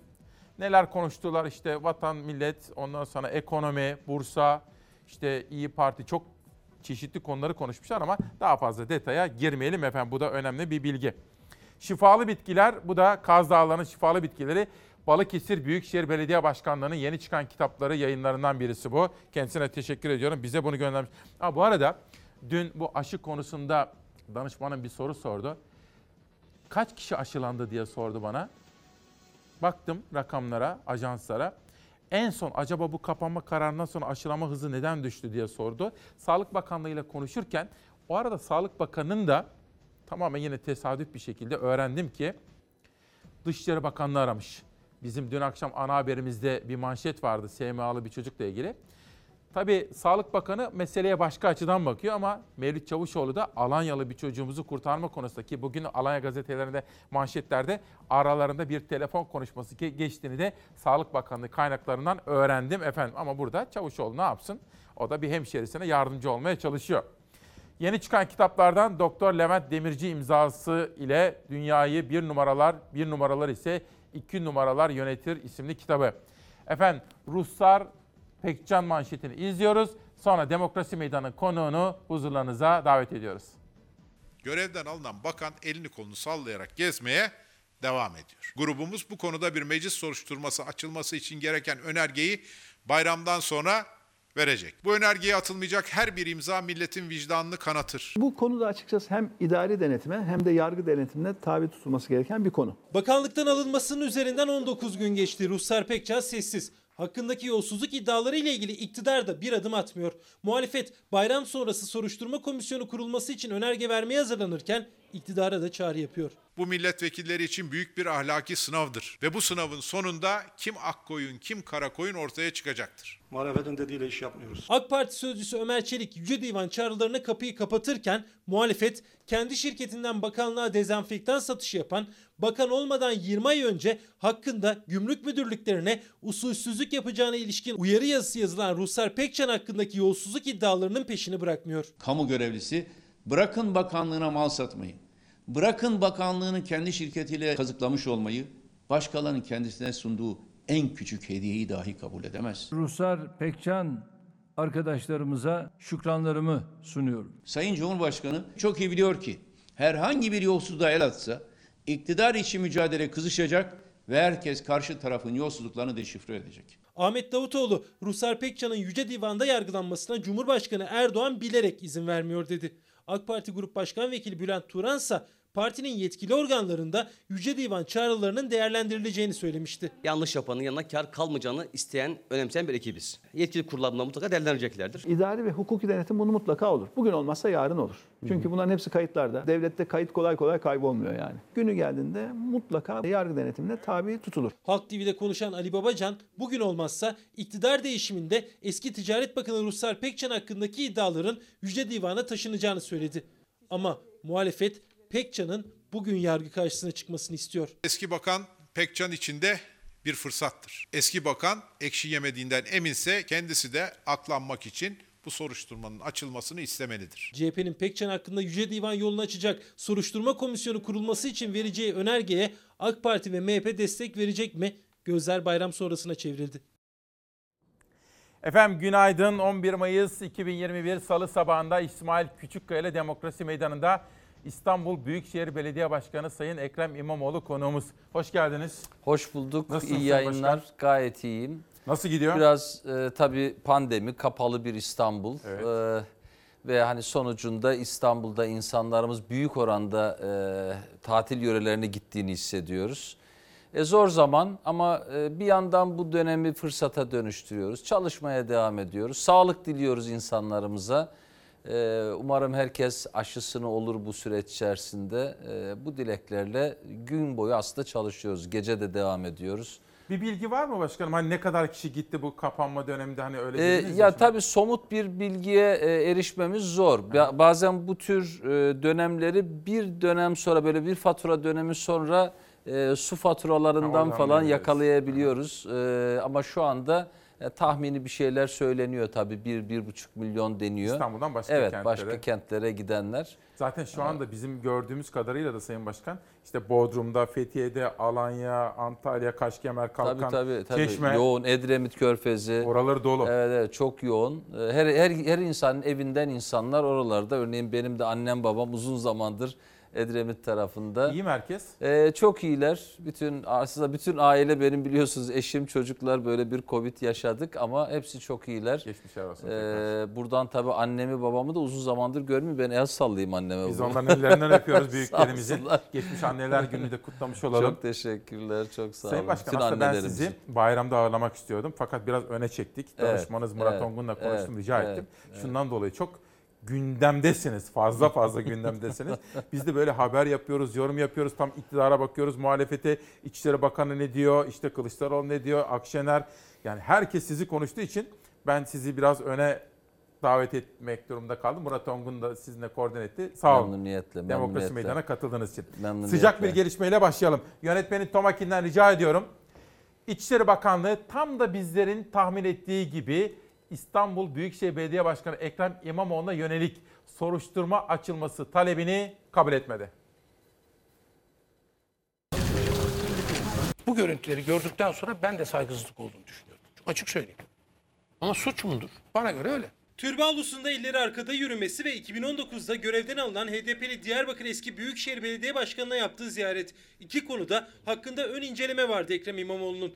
Müfettiş raporunda suç yok dedi. İçişleri Bakanlığı da soruşturma izni vermedi. Ama milletimiz İçişleri Bakanlığı'nın televizyonlara çıkıp bana göre bu suç dediğini de unutmuyor. İstanbul Büyükşehir Belediye Başkanı Ekrem İmamoğlu'nun Fatih Sultan Mehmet'in eşi Gülbahar Hatun'un türbesini ziyaretinde elleri arkasında yürümesini türbeye saygısızlık olarak gördü İçişleri Bakanlığı. Süleyman Soylu da suç ama soruşturma izni vermem demişti. Ben buna izin vermem. Ben soruşturma izni vermem buna. Öbürüne vermek isterim. İçişleri Bakanı'nın soruşturma izni vermek isterim dediği konu İmamoğlu'nun 2019 yılında yerine kayyum atanan Diyarbakır eski Büyükşehir Belediye Başkanı'nı ziyareti. Şimdi onun elini kolunu bağlayarak acaba hizmet edemez hale nasıl getirebiliriz diye bir arayış içindeler. İmamoğlu'nun iki konuyla ilgili ifadesi 5 Mayıs'ta alınmıştı. Müfettişler raporunu tamamladı bakanlığa sundu. Türbe ziyaretinde de Diyarbakır ziyaretinde de suç unsuru yok denildi raporda.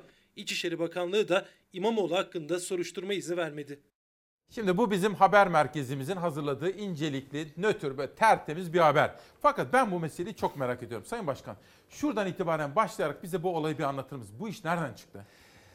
Ya ben e, Fatih Sultan Mehmet'in e, anma e, törenlerinde e, bir e, işte e, mevlid okutuldu ve e, kendi e, türbesinin içinde dualarımızı ettik vesaire. O günün öncesinde bir gecikme yaşandı. Yani protokolde bir gecikme yaşandı. Gecikme yaşanınca şimdi böyle sırtımızın dönük olduğu bölümde e, Fatih Sultan Mehmet'in türbesi var. Karşısında da e, işte Gülbahar Hatun türbesi var ve onun yan tarafında da yakın zamanda da Kadir Topbaşı defnettiğimiz mezarlık alanı var. Gayet insani bir tavırla ben e, orada vakit geçirmek yerine içeri girip bir denetleyeyim istedim. Yani ellerim arkada yürümeye başladım. Yani bu şekilde yürüdüm. Hatta buradan devam ettim içeriye. Hatta orada e, tabii çok e, değerli insanların e, mezarları var. 4-5 tanesinde daha dua ettim. Yani bir yarım saat geçirdim ben orada. Ee, ve dönüş o arada arkadaşlar bunu çekmiş. Yani bunu çeken de bizim arkadaşlarımız. Yani bir başkası değil. Ee, bunun bir ayıbı yok. Yani şu şekilde durmayla şu şekilde durma arasında bir farklılık yok. İnsa, insani bir e, tavırdır. Ben esprili bir şekilde anlattım İsmail Bey. Evet. T- Trabzon'da, Karadeniz'de yamaçlarda yürürken insanların yürüyüş biçimidir bu.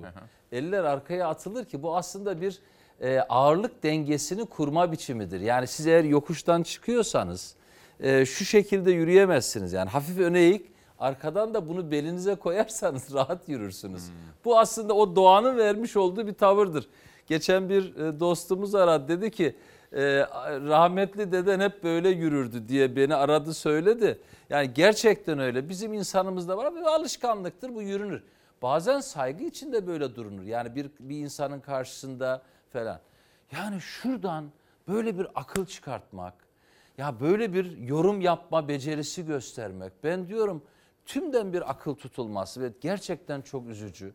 Ee, günün sonunda e, bu, bu soruşturma meselesi yani sürecin soruşturmaya dönük bir incelemenin başlatılması meselesine baktığımda e, ben şunu söyleyeyim ben soruşturmak isterim. Geçenlerde çağrı yaptım soruşturmayı dedim buna değil. Madem bu kadar soruyorsunuz atlar meselesini açın. Sayın Cumhurbaşkanı da söyledi ben soracağım onu Tamam size. yani meselesini açın anlarım bakın. Atları soruşturun. E tabi soruşturun madem ki bu kadar kafanız karışık ki anlatırım karışık Soracağım olmamasının onu. sebebini. Atları soracağım. E, bunu açın. Biz her vatandaş eşittir. Her makam sorgulanmalı, soruşturulmalı. Biz onun için buradayız. Soruşturun. Bunda bir problem yok. E, İsmail Bey ben göreve geldiğimde dönüp de didik didik Beylikdüzü'nün araştırılması, tam 27 soruşturma izni kararının verilmesi Beylikdüzü döneminde zaten soruşturulmuş. Yani aynı dosyaların tekrar pişirip pişirip getirilmesi. Yani bu niçin yapılır? Anlaşılır gibi değil. Bence çok net bir cevabı Net. var. İstanbul seçimini yedirememek. Günün sonunda Ama iki sene geçti. ya yani. ama Halk işte karar vermiş. ya ama işte yani ben de zaten gülerek geçiyorum bu kısmını. Hala oradalar. Bir de bakıyorlar ki işler tıkır tıkır yürüyor. Acaba biz ne yapabiliriz? Hmm. Ellerini arkadan bağladı. Yok oraya gitti. Yok bunu ziyaret etti. Sayın Başkan. Hani böyle ha bir de şu tarafı var. Çok özür diliyorum İsmail Bey. Efendim hani bir tarafta diyor ki e bunu yapmayın İmamoğlu'na yarıyor. Hani Evet. bu, bunları yapmayın Ha, İmamoğlu'na şöyle diyorlar, yarıyor. şöyle tam cümle şöyle. Siz diyorlar Ekrem İmamoğlu'na yani Cumhurbaşkanlığı adaylığını veriyorsunuz. Adaylığı da adaylıktan sonra da Cumhurbaşkanı yapacaksınız böyle giderseniz diye yorumlar yapıyor. Yani İmamoğlu'na yarıyor diyorlar. Hani günün sonunda İmamoğlu'na yarıyorsa Niye ya yapıyorsunuz? niye yapıyorsunuz? Bir de gidin bunu yapana sorun. Ya yapan orada. Yapan diyor ki bence suç diyor.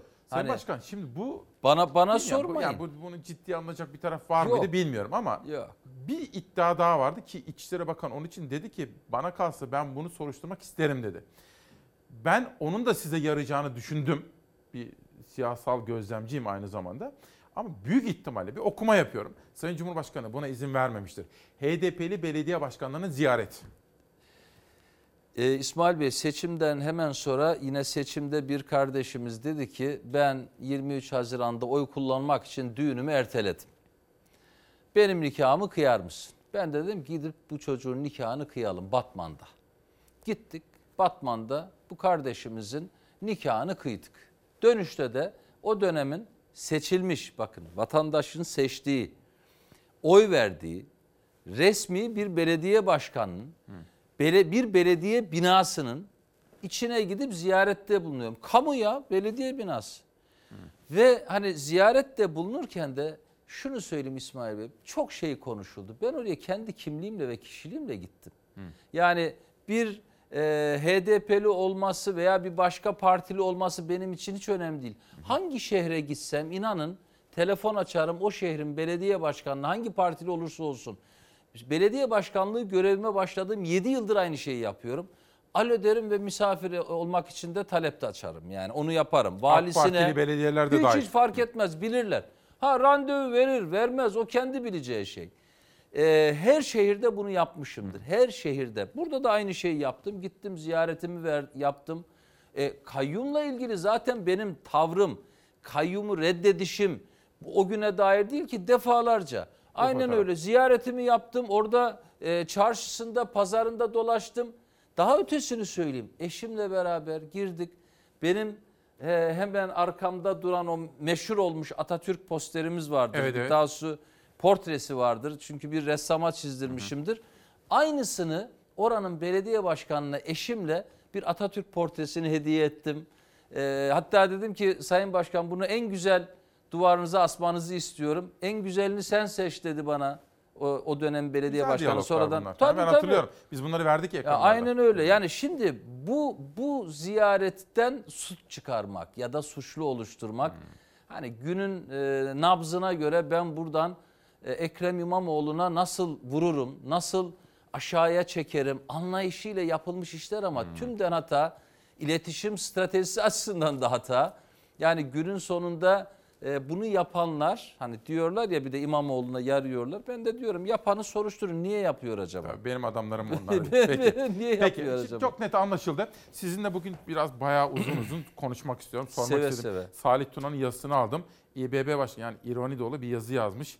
Yani siz iş yapıyor musunuz, yapmıyor musunuz sorusunu gündeme getir. Onu da soracağım. Şimdi yönetmenimden tweetler seçtim. Onları rica edelim. Haksızlık karşısında dedik bugün. Şimdi Murat Ağırel, dün aradım da kendisini bu yayından önce. Yeni Şafak gazetesinin, Yeni Çağ gazetesinin yazarı ve muhabiri İBB Haber. İBB'nin eski yönetim tarafından araç tahsis edilen AKP'li isimlerin listesi yayınlandı. Şimdi bunu bir anlatır mısınız Sayın Başkan bize? bu Ee, işin doğrusu nedir? Tabii tabii İsmail Bey şimdi biz e, tabii bu süreç eski. Yaklaşık bir yıla aşkın süredir valilikte yazımız var. Bu işe soruşturma izni verilmesine dair. Ve soruşturma izni verilmesiyle ilgili herhangi bir cevap yazısı almadık. Yani verilmedi. Ee, yani günün sonunda bu araç meselesi biliyorsunuz çok konuşuldu, çok tartışıldı. Yeni kapıya araçları e, yani bu araç e, israfını göstereceğiz dedik ve araçları yeni kapıya e, yığdık, gösterdik. Hatta 31 Mart'la 23 Haziran arasında aslında birçok işlem yapıldı. Araçların modelleri değiştirildi, bazı araçlar geri iade edildi vesaire vesaire. Ama bunlar kayıtlı.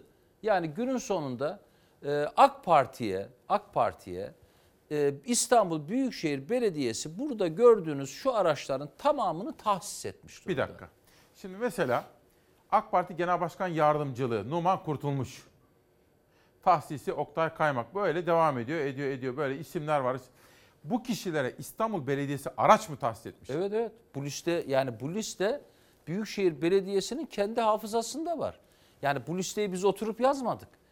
Bu liste Büyükşehir Belediyesi'nin orada işte il başkanlığı, il başkanı, hizmetli artık nerelere Silivri ilçe başkanlığı, bazı hizmetler, kadın kolları. Kaç araç eskort- var böyle? E, 60 küsür olması lazım. 65 tam şu anda.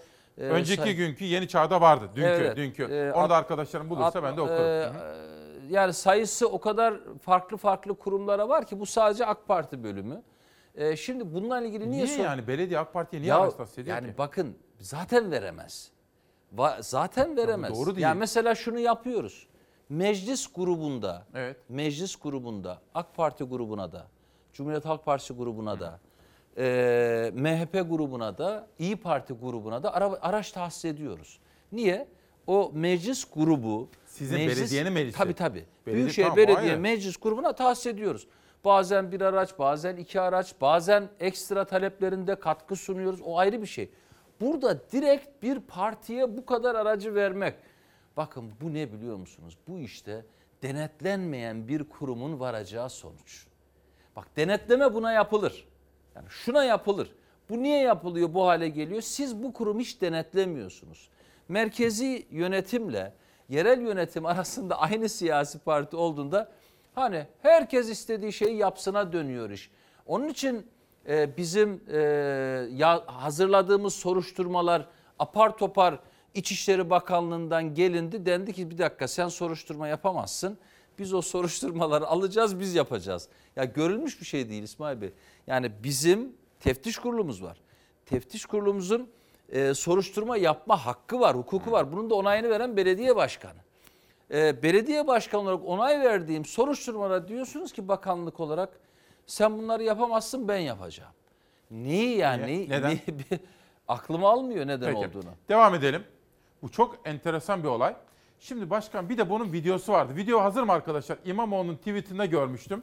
Adalarda yıllardır çok kötü koşullarda olan atları sahiplenip bakımlarını yapmıştık. Yeni ahırlar ve gezinti alanları yaptık. Düzenli olarak veteriner kontrolü yapılıyor. Dileyen herkes gelip gezebilir. Sevgili Çalar ailesi, Cumhurbaşkanı ve Adalet Kalkınma Partisi lideri Sayın Erdoğan da geçtiğimiz hafta bir açıklamasında Ekrem İmamoğlu'nu bu konuda atlar konusunda eleştirmişti. Küçücük bir video var. İzleyelim. İmamoğlu'ndan yorum alacağız. E, bütün bakımları yapılıyor. Atlar mutlu, biz mutlu. Hı.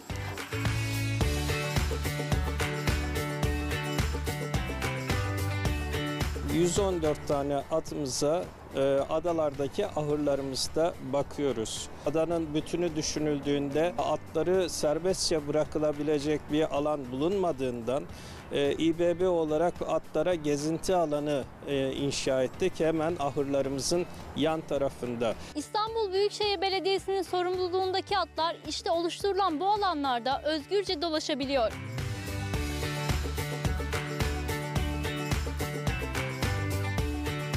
Bağlanmadan özgürce dolaşarak 14 metrekarelik localarda barındırıyoruz atlarımızı.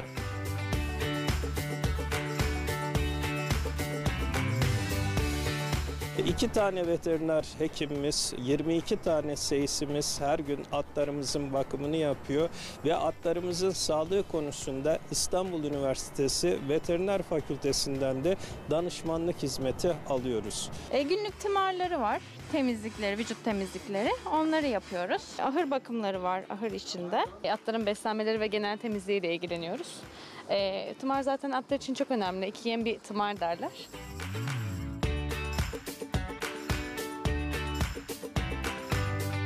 Atlarımızı arpa, kepek, kuru ot ve samanla besliyoruz. Eskiden olduğu gibi lokantaların çöplerindeki artıklarla beslenmek zorunda kalmıyorlar.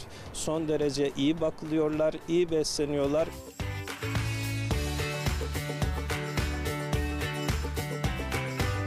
Atlar çok mutlular zaten sıcak havalarda genelde doğada oluyorlar. E, atları salıyoruz padok alanımız mevcut. Hava soğuk olduğunda da her halükarda zaten e, dolaştırıyoruz hava alıyorlar. Taylarımız da dünyaya geldi. Onlar da artık büyüdüler.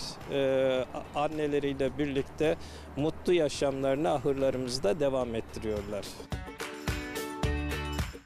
Ve Sayın Cumhurbaşkanı'nın da sorduğu kamuoyunda çok konuşulan atlar meselesi. Şunu da bir anlatın da öğrenelim başkanım. Evet. Nedir bu işin aslı? Biraz tane tane anlatmak Evet, lütfen. istiyorum. Çünkü hassas. Ee, neticede e, bakınız fayton meselesine çözüm bulduk mu? Bulduk. Adalarda 25 yıldır görev yapan insanların hiç ilgilenmediği bir alana biz gelir gelmez sürecin içine dalıp bu işi çözmeliyip deyip ve 6 ayda ki seçimde de vaat etmiştik. Evet. 6 ayda bu sorunu çözdük mü? Çözdük. Partnerimiz kimdi? Tek başımıza mı çözdük? Hayır. Bakın ben defalarca teşekkür ettim. Başta valilik. Sayın valimiz içinde. Tarım Bakanlığı içinde. Ben bu her iki kuruma da teşekkür ettiğim videoları bulup çıkarabilirler. Niye? Çünkü yetkilerin büyük bir bölümü onlarda zaten. Beraber yaptık diyorsun. Beraber yaptık. Beraber çözdük. Her hususa birebir kendileri şahit. Bakın İsmail Bey. Adalarla ilgili Türkiye Büyük Millet Meclisi'nde hayvan hakları ve hayvanların kötü muamele korunması amacıyla araştırma komisyonu kuruluyor 2019'da.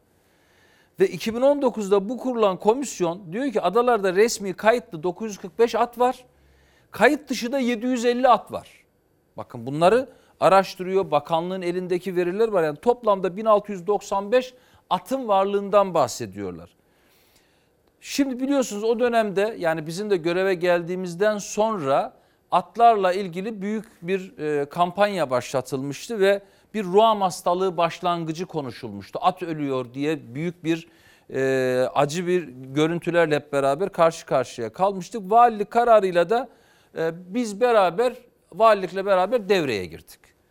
16 Ocak 2020 meclis kararıyla bakın 16 Ocak 2020 meclis kararıyla tanesine 4000 lira ödeyerek 1179 atı biz satın aldık. 1179 atı. Ve süreci öyle bir tereyağından kıl çeker gibi yönettik ki orada hatırlayın e, fayton mafyası deniyordu. Senede birkaç insan Ne olaylar, ne öldürülüyordu. Bir sürü vakalar yaş adli vakalar yaşanıyordu. Böyle bir karmaşık ortamın olduğu yeri biz uyumla, anlatarak, sorunlarına değinerek, faytonları satınarak, bütün mali yükünü üstlenerek 150 milyon lira bütçe ayırdık bu işe İsmail Bey bakın. 150 milyon Her lira. ata 4000 lira 4000 ödediniz. lira, faytonlara 300 bin lira. Bakın bütün bunlar meclis kararıyla alındı. Faytonlara 300 bin lira. Daha ileri gideyim. insani yaptığımız işleri anla. Fayton başına her aileye iki kişiye iş verdik biz. Bak bu kadar insani bir çözümle süreci yönettik. 1179 atı Büyükşehir Belediyesi olarak aldık. Bakın devreye girdiğimiz andaki at sayısı 1179. Evet. Daha önce alınan at sayısı 1695'ti. Fark 516. Ne oldu? Ne oldu 516 ata? Yani e, 516 at yok mu oldu? O dönemde bunun yok oluşunun vebali kimde? Bizde mi? Bakın biz devreye girdikten sonra mu? Yani bu akıbeti soru işareti. Bununla ilgili hiçbir bilgimiz yok. Canın yok edildiği o dönemde yani hiçbir ses edildiğini duydunuz mu mesela? Hiçbir yazılı çizili bir şey hatırlıyor musunuz? Yok. Ya da bir devletin bu konuda bir e, sürece dair bir e, ortaya koyduğu tavrı gördünüz mü? Yok. Biz devreye girdik süreci devraldık. 1170 1169 at. Bunun 860 atını sahiplendirdik. Bakın sahiplendirme sürecini nasıl yaptık? Yine valilikle beraber yaptık. Yine Tarım Bakanlığı devrede. Beraberce yaptık. Beraberce kurumlar başvurularını aldık. Kim bu kurumlar? Bazı belediyelerimiz, devletin bazı birimleri, Anadolu'da farklı farklı yerlerde. Ve biz o insanlara Sayın Başkan sözünüzü balla keseyim. Yönetmenim uyarıyor. Reklama gidelim. Peki. Olur mu? Tamam. Rek- 11'e kadar birlikteyiz. Çünkü Peki. reklam reklam molasından sonra Ekrem İmamoğlu ile sohbetimiz başlayacak. 11'e kadar devam edeceğiz. Efendim bir kere daha günaydın ve yine hoş geldiniz. 11 Mayıs 2021 Salı sabahında İsmail Küçüköy ile Demokrasi Meydanı'ndayız. Son iki haftanın aslında son iki yılın ama özellikle son iki haftanın gündemdeki ismiydi Ekrem İmamoğlu. Kendisine sorular yöneltiyorduk. Biraz sonra işte zabıta alımı, personel alımı, halk ekmek meselesi hepsini konuşacağız. Soruşturmaya ilişkin de konuştuk. Şimdi atlarla ilgili bu atlar ne oldu sorusunu yanıtlarken kalmıştı. Bu arada reklam arasında da Doğan Şentürk, Murat Keskin, işte e, danışmanı Beşiktaş, Galatasaray, Murat Ongun. ne olacak akşam falan diye. Tabii Trabzonspor taraftarı ben Beşiktaşlı, Doğan Şentürk Fenerli. Bizim Murat Keskin İşte Trabzonspor Murat Ongun hangi takım?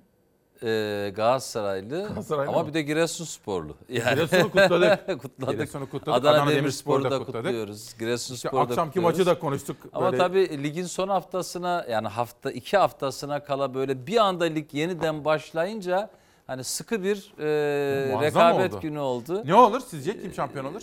İyi oynayan kazansın. süper süper. İyi oynayan Sayın Başkan, kazansın. Evet, at, atlar şimdi- konusunu açıklıyordunuz. Fakat evet.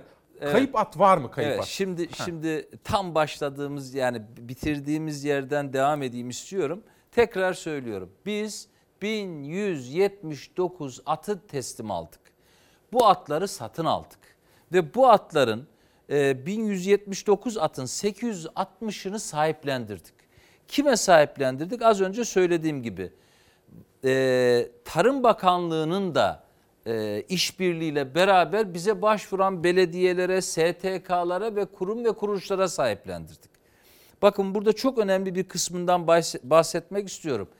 Bu atları satın alan biz Tarım Bakanlığı ile işbirliği yaptık. Tarım Bakanlığı'ndan sonra o kurumlara teslim ederken bütün nakliyesini her şeyini biz üstlendik.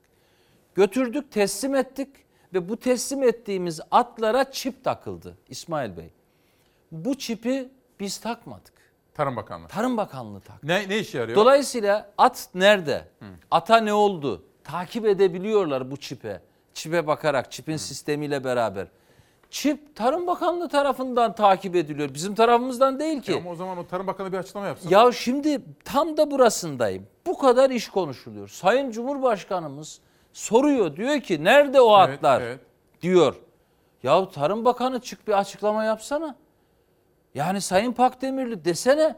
Bakın başından beri diyorum ki valilik, Tarım Bakanlığı bu süreci beraber başardık, beraber yönettik diyorum. Bak teşekkür ediyorum. Görevi te- teslim aldığımızdan o gidip de 1179 atı tespit ettiğimiz andan itibaren her anına şahitler.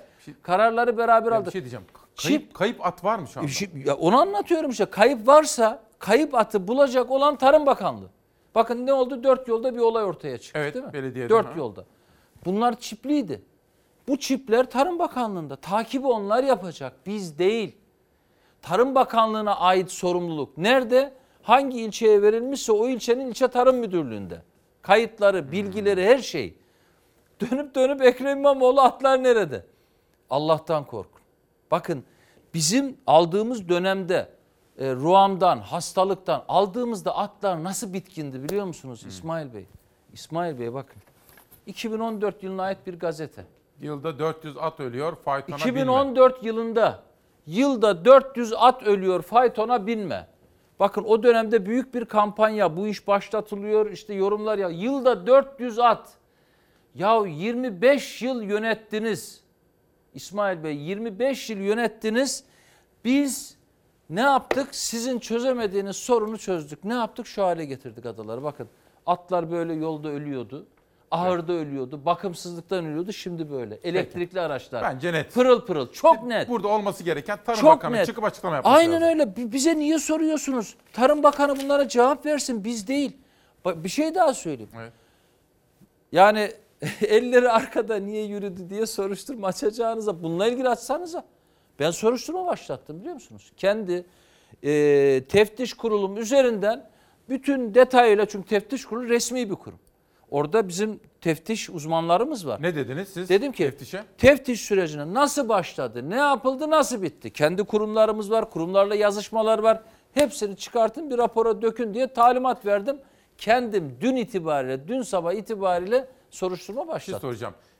İstanbul Belediyesi'nin müfettişleri Tarım Bakanlığı'na sorabilir o zaman. Der ki, Tabii ki. bu çipli atlar nerede bunlar? Tabii ki. Bilgi Tabii alabilir. hepsini soracak. Ben başlattım. Biz de öğrenelim. Bakın ben başlattım. Yani bana elleri arkada yürüdü diye soruşturma başla. Madem bu kadar merak ediyorsunuz e, çıkın e, soru sorun. Yani Bence durum net. Şu çok net. Bakın yılda 400 at ölüyordu. Ha şu anda bizim atlarımız var. Evet teslim aldıktan sonra atlar öldü. Ruam hastalığında birçok at kaybedilmişti. Zaten az önce dediğim gibi bakın bu, bu haber yalan bir haber değil. Bu habere yakın bir sürü haber var. Yılda 400 at ölüyor haberi 25 yılın e, faturasıdır bu. Çarpın 400'le. Peki tamam. Şimdi adalar böyle. Sayın Başkan. Bu kadar net. E, gazeteleri beraber okuyalım mı? Şu Tabii, andan seve itibaren seve. Savaş Yıldız yönetmen koltuğuna geldi. Savaş rica etsem gelsin. Heh. Şimdi Sayın Başkan halk ekmeği soracağım. Sonra Salih Tuna da hani şunu söylemeye getiriyor. Sadece siz değil Ali Babacan'ı falan da O eleştiriyor da ama beni çok seven yazarlardan. sizi seviyor belli ama çok böyle usturuplu bir yazı kalemi Çok almış. seviyor. Şunu söylüyor mealen. Yani mealen özetlememizi ver.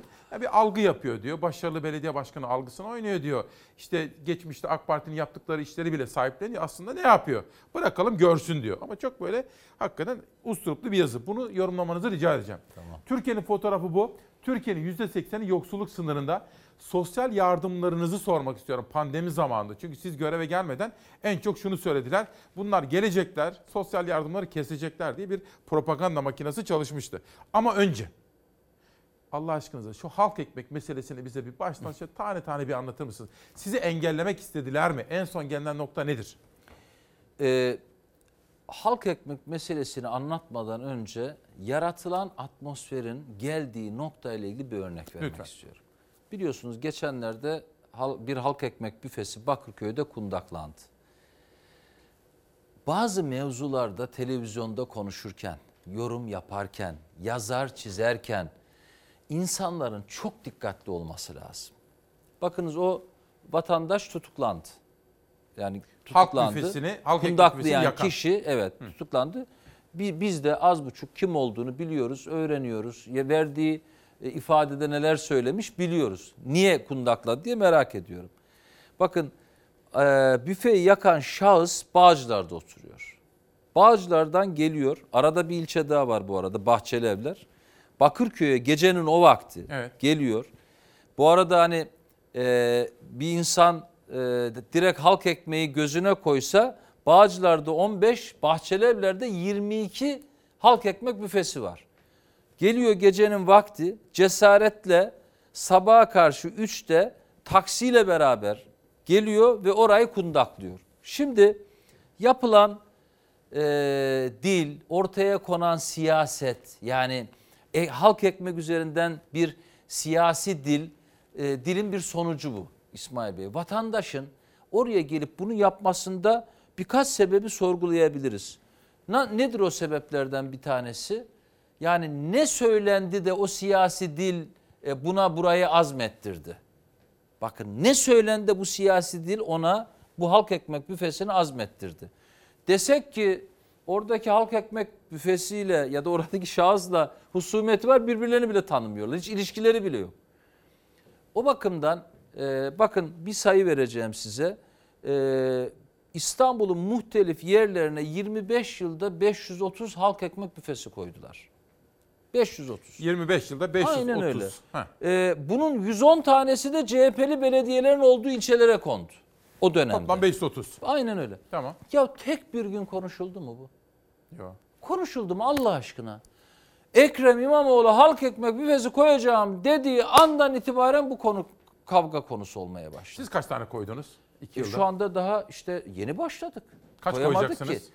E, bizim de tespitimize göre yaklaşık 150'ye yakın e, halk ekmek büfesi koymak istiyoruz dedik. Niye? Onu da söyleyeyim. Araştırma yaptı arkadaşlarım. İstanbul'un yoksulluk haritasına göre halk ekmek büfesi ihtiyaç olunan ilçelerde ve mahallelerde yok. Yani örneğin Mesela ha. Bakırköy meydanında var. Bakırköy meydanında var. Ama örneğin Esenler'in bir mahallesinde bizden en fazla yardım alan bir mahallesinde halk ekmek büfesi yok. Daha geçenlerde gittik Esenler'de halk ekmek büfelerini koyduk. Orada mesela hiç gürültü çıkmadı. Hiç gürültü çıkmadı. Yani bizim halk ekmek büfesi koymamız gündeme geldiği andan bu kıyamet koptu. Niye? Ekrem İmamoğlu koyuyor diye. Yani yeni Büyükşehir Belediye Başkanı koyuyordu. Efendim öyle olmaz. Bir sene beklettiler. Bir sene. Kalktık mobil mobil araçlarla ekmek dağıtmaya. Ya İsmail Bey 1 milyon 350 bin adet ekmek üretiyoruz. Bizden önce geldiğimizde bu rakam 850 binlerdeydi. 850 binden Tabii 850 1 milyon 350 900'e, bine çıktı. 950'ye 1'e 100'e çıktı çıktı buraya. Bu insanlar Yetiyor mu? 1 350. Yetmiyor. Yetmiyor. Şimdi temelini attık. İnşallah önümüzdeki yılın Ocak Şubat'ında çok büyük bir tesisi bitireceğiz Hadımköy'de. İnşallah sizi de misafir Ekmek etmek isteriz. mı? Tabii tabii. Orayla beraber bu sayıyı 1 milyon 700-750 bin lira çıkartmaya Günlük düşünüyoruz. ekmek kapasitesini Günlük. 2 milyona doğru gidiyor. Tabii tabii. Şimdi bu, bu övünülecek bir şey mi İsmail Bey? Günde yani bir vatandaş 1 liraya ekmek almak için bir ekmekte 1 lira cebimde kalsın diye kuyruğa girip ekmek alması övünülecek bir şey mi? Hayır. Ben Ama isterim ki aynen öyle. Ben isterim ki benim vatandaşım buna muhtaç olmasın ama muhtaç. Bugünün ekonomik zorlukları insanları buna muhtaç kılıyor. Ekonomik zorluklar var, enflasyon artışı var, işsizlik var. E bunun üstüne bir de pandeminin getirdiği yoksulluk ve işsizlik var. E ben o insanlara ekmek götürmek zorundayım. Ben bunu yapıyorum. Ya şu konsantrasyon nedir İsmail Bey? Bir zabıta memuruna ne pahasına olursa olsun Ümraniye'de bir zabıta memuruna ne pahasına bu büfeyi koydurtmayacağız. Bu konsantrasyon nedir Allah aşkına? Soruyorum ya bu konsantre bu bu siyaset bunun üzerinden siyaset olmaz yalvardım. Ekmeğin siyaseti İsmail olmaz. Bey ben çıkar, çıkarsın baksınlar meclisteki bir iki konuşmamın dışında bakın bu konuya hiç dahil olmadım. Yani bir beyanım bile olmadı. Niye koyulmadı, niye aldınız, niye vermediniz demedim. Uzaktan takip ettim, üzülerek takip ettim. Hatta hani ya e, beni en çok üzen olay bu. Beni en çok üzen Ekmek olay bu. konusu. Ekmek konusu. Bir şey diyeceğim. Ya buna niye karşı gel? Ben Şöyle de- sorayım mı? Bakın CHP'li 110 beledi 110 adet CHP'li belediyenin olduğu yerlere halk ekmek kondu. Ya ben de belediye başkanlığı yaptım. Benim olduğum dönemde de Beylikdüzü'ne kondu. Ya karışmadık bile. Çünkü biliyoruz ki vatandaş oraya ihtiyacı olduğu için gidiyor. Bırak koysun. Bırak koysun. Ee, buradan para kazanılmıyor. Bakın ekmek meselesinde bir para kazancı yok. Oraya koya, koyduğumuz insanlar da bu arada şehit aileleri, engelliler, ihtiyacı olan insanlar. O kadar titiz çalışmalar yaptık. Ekmek alanlar da bakın Gülşah İnce 3 hafta kadar önce gitti oraya. En son yaptığı haberde bir tane AK Partili ile konuşmuş. Evladım diyor ekmeğin siyaseti mi olur Ya diyor. Allah aşkına. Sonra bir teyzemiz konuştu. Biz onu iki gün verdik. Sonra hatta e, radyolara falan da çıktı. Ya halkımız ekmeği ucuza almak istiyorlar. Bu kadar. Şöyle sorayım mı size? Gerçekten de sizi engellemek mi istiyorlar halk ekmek konusunda? Ya bir, bir benim aklım yetmiyor. Yani şöyle yetmiyor. Yani ekmeğin daha çok insana ulaşma. Az önce dedim ya yoksulluk Evet. haritası. Niçin çok fazla e, bizim katkı sunduğumuz vatandaşın olduğu yere büfeye koyuyoruz biliyor musunuz İsmail Bey? Büyük bir kısmı bizden ücretsiz ekmek alıyor çünkü. Onlara daha yakın olalım diye. Yaptığımız şey bu. Yani bu, bu niye engellenir ya da bu niye istenmez? Bunun üstünde niye tepinilir? Ee, çok anlamsız bir iş yaptılar. Yani ne yazık ki çok anlamsız bir iş yaptılar. Sanıyorum bundan sonra olmayacak. Peki. Halk Şimdi gereken cevabı verdi. Yönetmenim Savaş diyor ki abi o sözüne ettiğin fotoğrafı buldum diyor. Bak bu. Şimdi bir de esas bir de Savaş bir de teyzemiz vardı. Gazete yapmıştık hatırlıyor musunuz? Ekmeğin partisi olur mu? Onu da bulun bana. Ben kendim AK Partiliyim. Ekmeğin partisi olur mu? Ya başkanım bir şey soracağım. Ben işsizsem, açsam, yoksulsam ben AK Partili, CHP'li, HDP'li ne fark edecek ki ya? Ben Ya devletin devletin Vatandaş. kurumunu kim yönetiyor? Evet. Büyükşehir Belediyesi'ni şu an Ekrem İmamoğlu Evet. yönetiyor. Kim Ekrem İmamoğlu? Cumhuriyet Halk Partisi'nin adayı, Millet İttifakı'nın adayı, İyi Parti'nin adayı. Yani Ekrem İmamoğlu yönetiyor ve vatandaşına bu katkıyı vermek zorunda. Bir şey daha söyleyeyim İsmail Bey. Bizim sosyal yardım felsefemizde şu var. Biz diyoruz ki hiçbir vatandaşımız bir yöneticinin ona sağladığı sosyal yardımı lütfen bir lütuf olarak görmesin. Değil. Bu bizim sorumluluğumuz.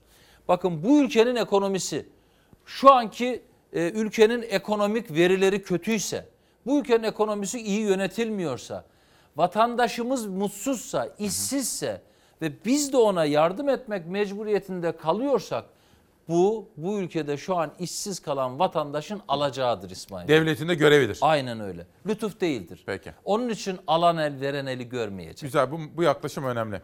Şimdi bir haberimiz var. Biraz sosyal yardımlara da girmek istiyorum. Ve mesela emeklilikte yaşa takılansınız diyelim. Pandemi zamanında veya yoksulsunuz. Ne yapacaksınız? Önümüzde bayram. 25 lira paramız var. ve bayramı geçirmeye çalışıyoruz. Şimdi bayramı bununla mı geçireceksiniz? Kalan para bu. Eş dost yardım. Geliyorum sana diyorum ki arkadaş varsa bana bir 500 lira ver. Öbürüne varıyorum dersen 1000 lira ver. Yasak olduğu için evden çıkamıyorlar. İnsanlar e, sıkışmış durumda bir yere hareket edemiyorlar. Sokağa çıkma kısıtlamasında eve hapsettiler. Evimize ekmek, aş getiremiyoruz. Geçim sıkıntıları pandemi süreciyle başlamadı ama katlandı. Emeklilikte yaşa takılanlar tam kapanma sürecinde ne çalışabiliyorlar ne de iş arayabiliyorlar. Sadece kapan. iyi kapanalım da ne yiyelim? Ya acaba yarın iş bulacağım mı? Yarın ne yapacağım? Yarın ne yiyeceğim? E insan kendi kendine artık düşüncede de İş aramaya çıkıyor, yasak. İşkur'a gidiyor, 35 yaşını aşmamış iş ilanlarıyla karşılaşıyoruz. Erken emekli olacak. Ondan sonra ne olacak? Gidecek kendine göre başka bir işte de çalışmaya devam edecek. Çift dikiş. Cumhurbaşkanı Erdoğan çift dikiş olmaz diyerek EYT düzenlemesine kapıyı kapattı. Yerel seçim sürecinde vaatler verilse de muhalefetin EYT düzenlemesine yönelik çağrıları yanıt bulmadı. Prim gününü doldurdukları halde emeklilikte yaşa takıldıkları için emekli maaşı alamayan yüz binler tam kapanma sürecinde sokağa çıkma yasağı nedeniyle günlük dahi çalışamıyor. İcralar için her gün arıyorlar, mesajlar gönderiyorlar. Evdeki eşyaları bile eve ekmek su almak için satıyorum. Zor ay başını getirirken pandemiden dolayı iyice elimiz kolumuz bağlandı. Oturuyoruz. Faturaları nasıl ödeyeceğiz? Market alışverişini nasıl yapacağız? Normalde turizm sektöründe çalışıyorum fakat şu anda pandemi dolayısıyla işsizim ve iş bulamıyorum. İleri yaşları nedeniyle kamuda ya da özel sektörde iş bulamıyorlar. Ama yaşları emekliliğe de yetmiyor. Biz EYT'liler olarak eve hapsedip ne haliniz varsa görün dediler. Çevreden para toplayı toplayı kredilerimi taksidini kapatmaya çalışıyorum. Emeklilikte yaşa takılanların çoğu günlük işlerle geçimlerini sağlıyordu. Tam kapanmayla günlük kazanç kapıları da kapandı. Günlük iş bulabilirse bilirse karnını doyuruyor. Günlük iş bulamazlarsa o da yok. Sokağa çıksanız yasak. Yasak. 3500 lira cezası var.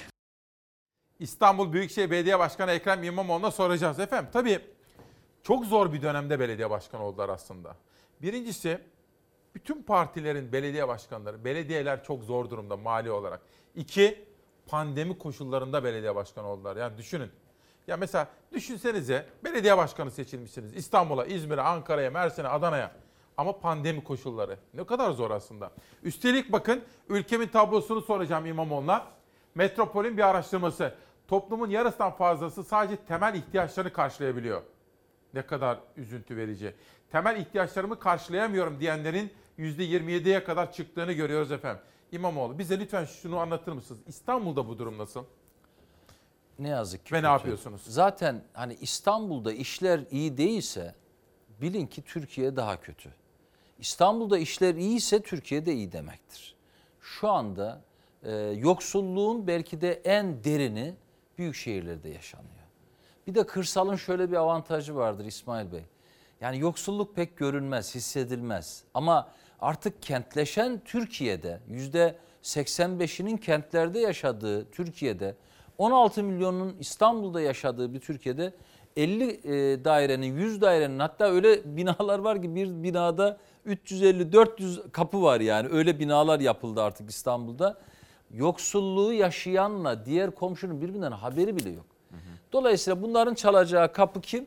En başta birinci sıra belediyeler. Bakınız e, son bir yılın içerisinde yaklaşık söylüyor. Yaklaşık değil bir buçuk milyonu aşkın haneye biz destek olduk. Bir buçuk milyon aşkın. Ne bu ne demek bu? biliyor Ne musunuz? desteği bu?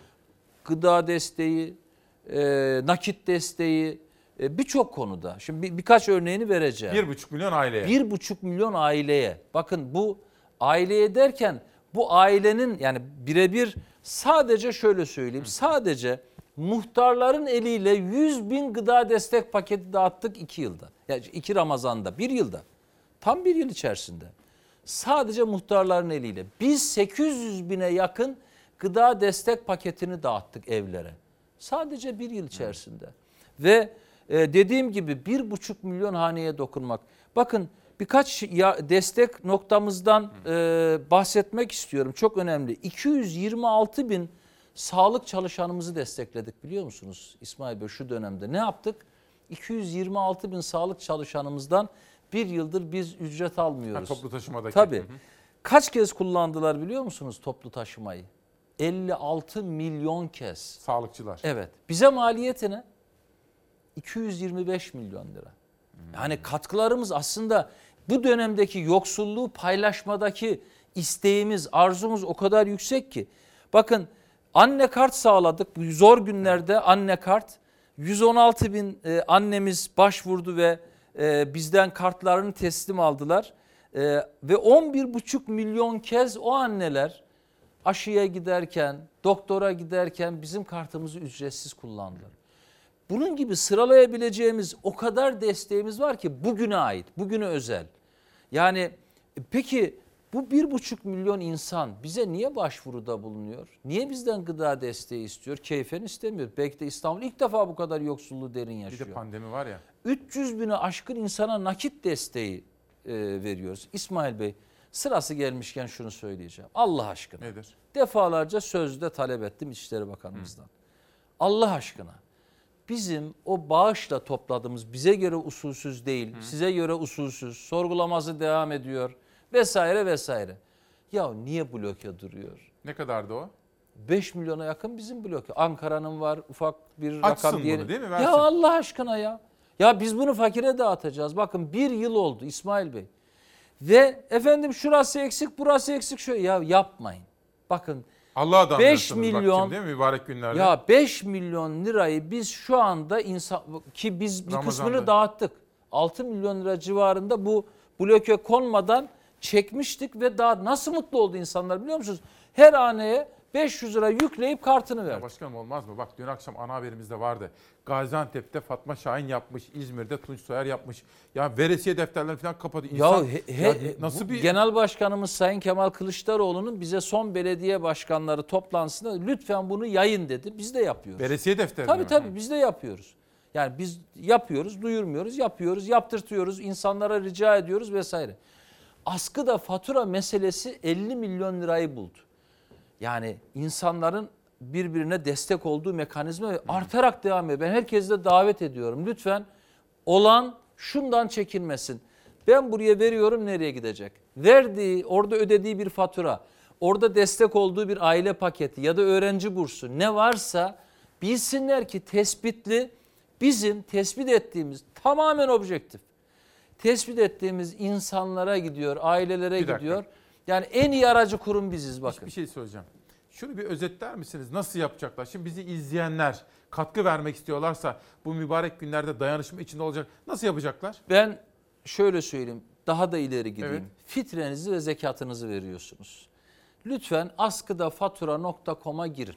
Askıda fatura.com. .com'a girin. Evet. Orada çok kolay kredi kartınızla çok kolay seçeceksiniz. Fatura mı ödemek istiyorsunuz? Mesela fatura sırayla geliyor zaten. İstediğiniz orada 50 liralık fatura da var, 100 liralık fatura da var, 150 liralık fatura da var. Faturayı seçiyorsunuz. Ee, ödeme tuşunda sizden bilgiyi alıyor. Ödemeyi yapıyorsunuz bitti. Ya bir kişinin Bir faturasını dakika, ödüyorsunuz. Bir dakika aynen öyle ve o aileyi mutlu Ne kadar ediyorsunuz. sevap. Ödenmemiş, ödeyememiş faturasını ödüyorsunuz. Ne Biz faturası var böyle? Su fatura- e, bizim zaten gaz ve su. Gaz ve su. Gaz ve su faturaları var. Artı biz orada başka paketler de yükledik. Bir aileye de destek olabiliyorsunuz. Güzel. Bir bebeğe de destek olabiliyorsunuz. Yani bir bebeği olan aileye destek Onun- olabiliyorsunuz. onun mama, bez, Tabii tabii. O konuda bir limitler var. Koyulmuş aileye mesela diyorsunuz ki aylık 100 lirasılık paketi seçiyorum. 150 liralık paketi seçiyorum. Öğrenciye de destek olabiliyorsunuz.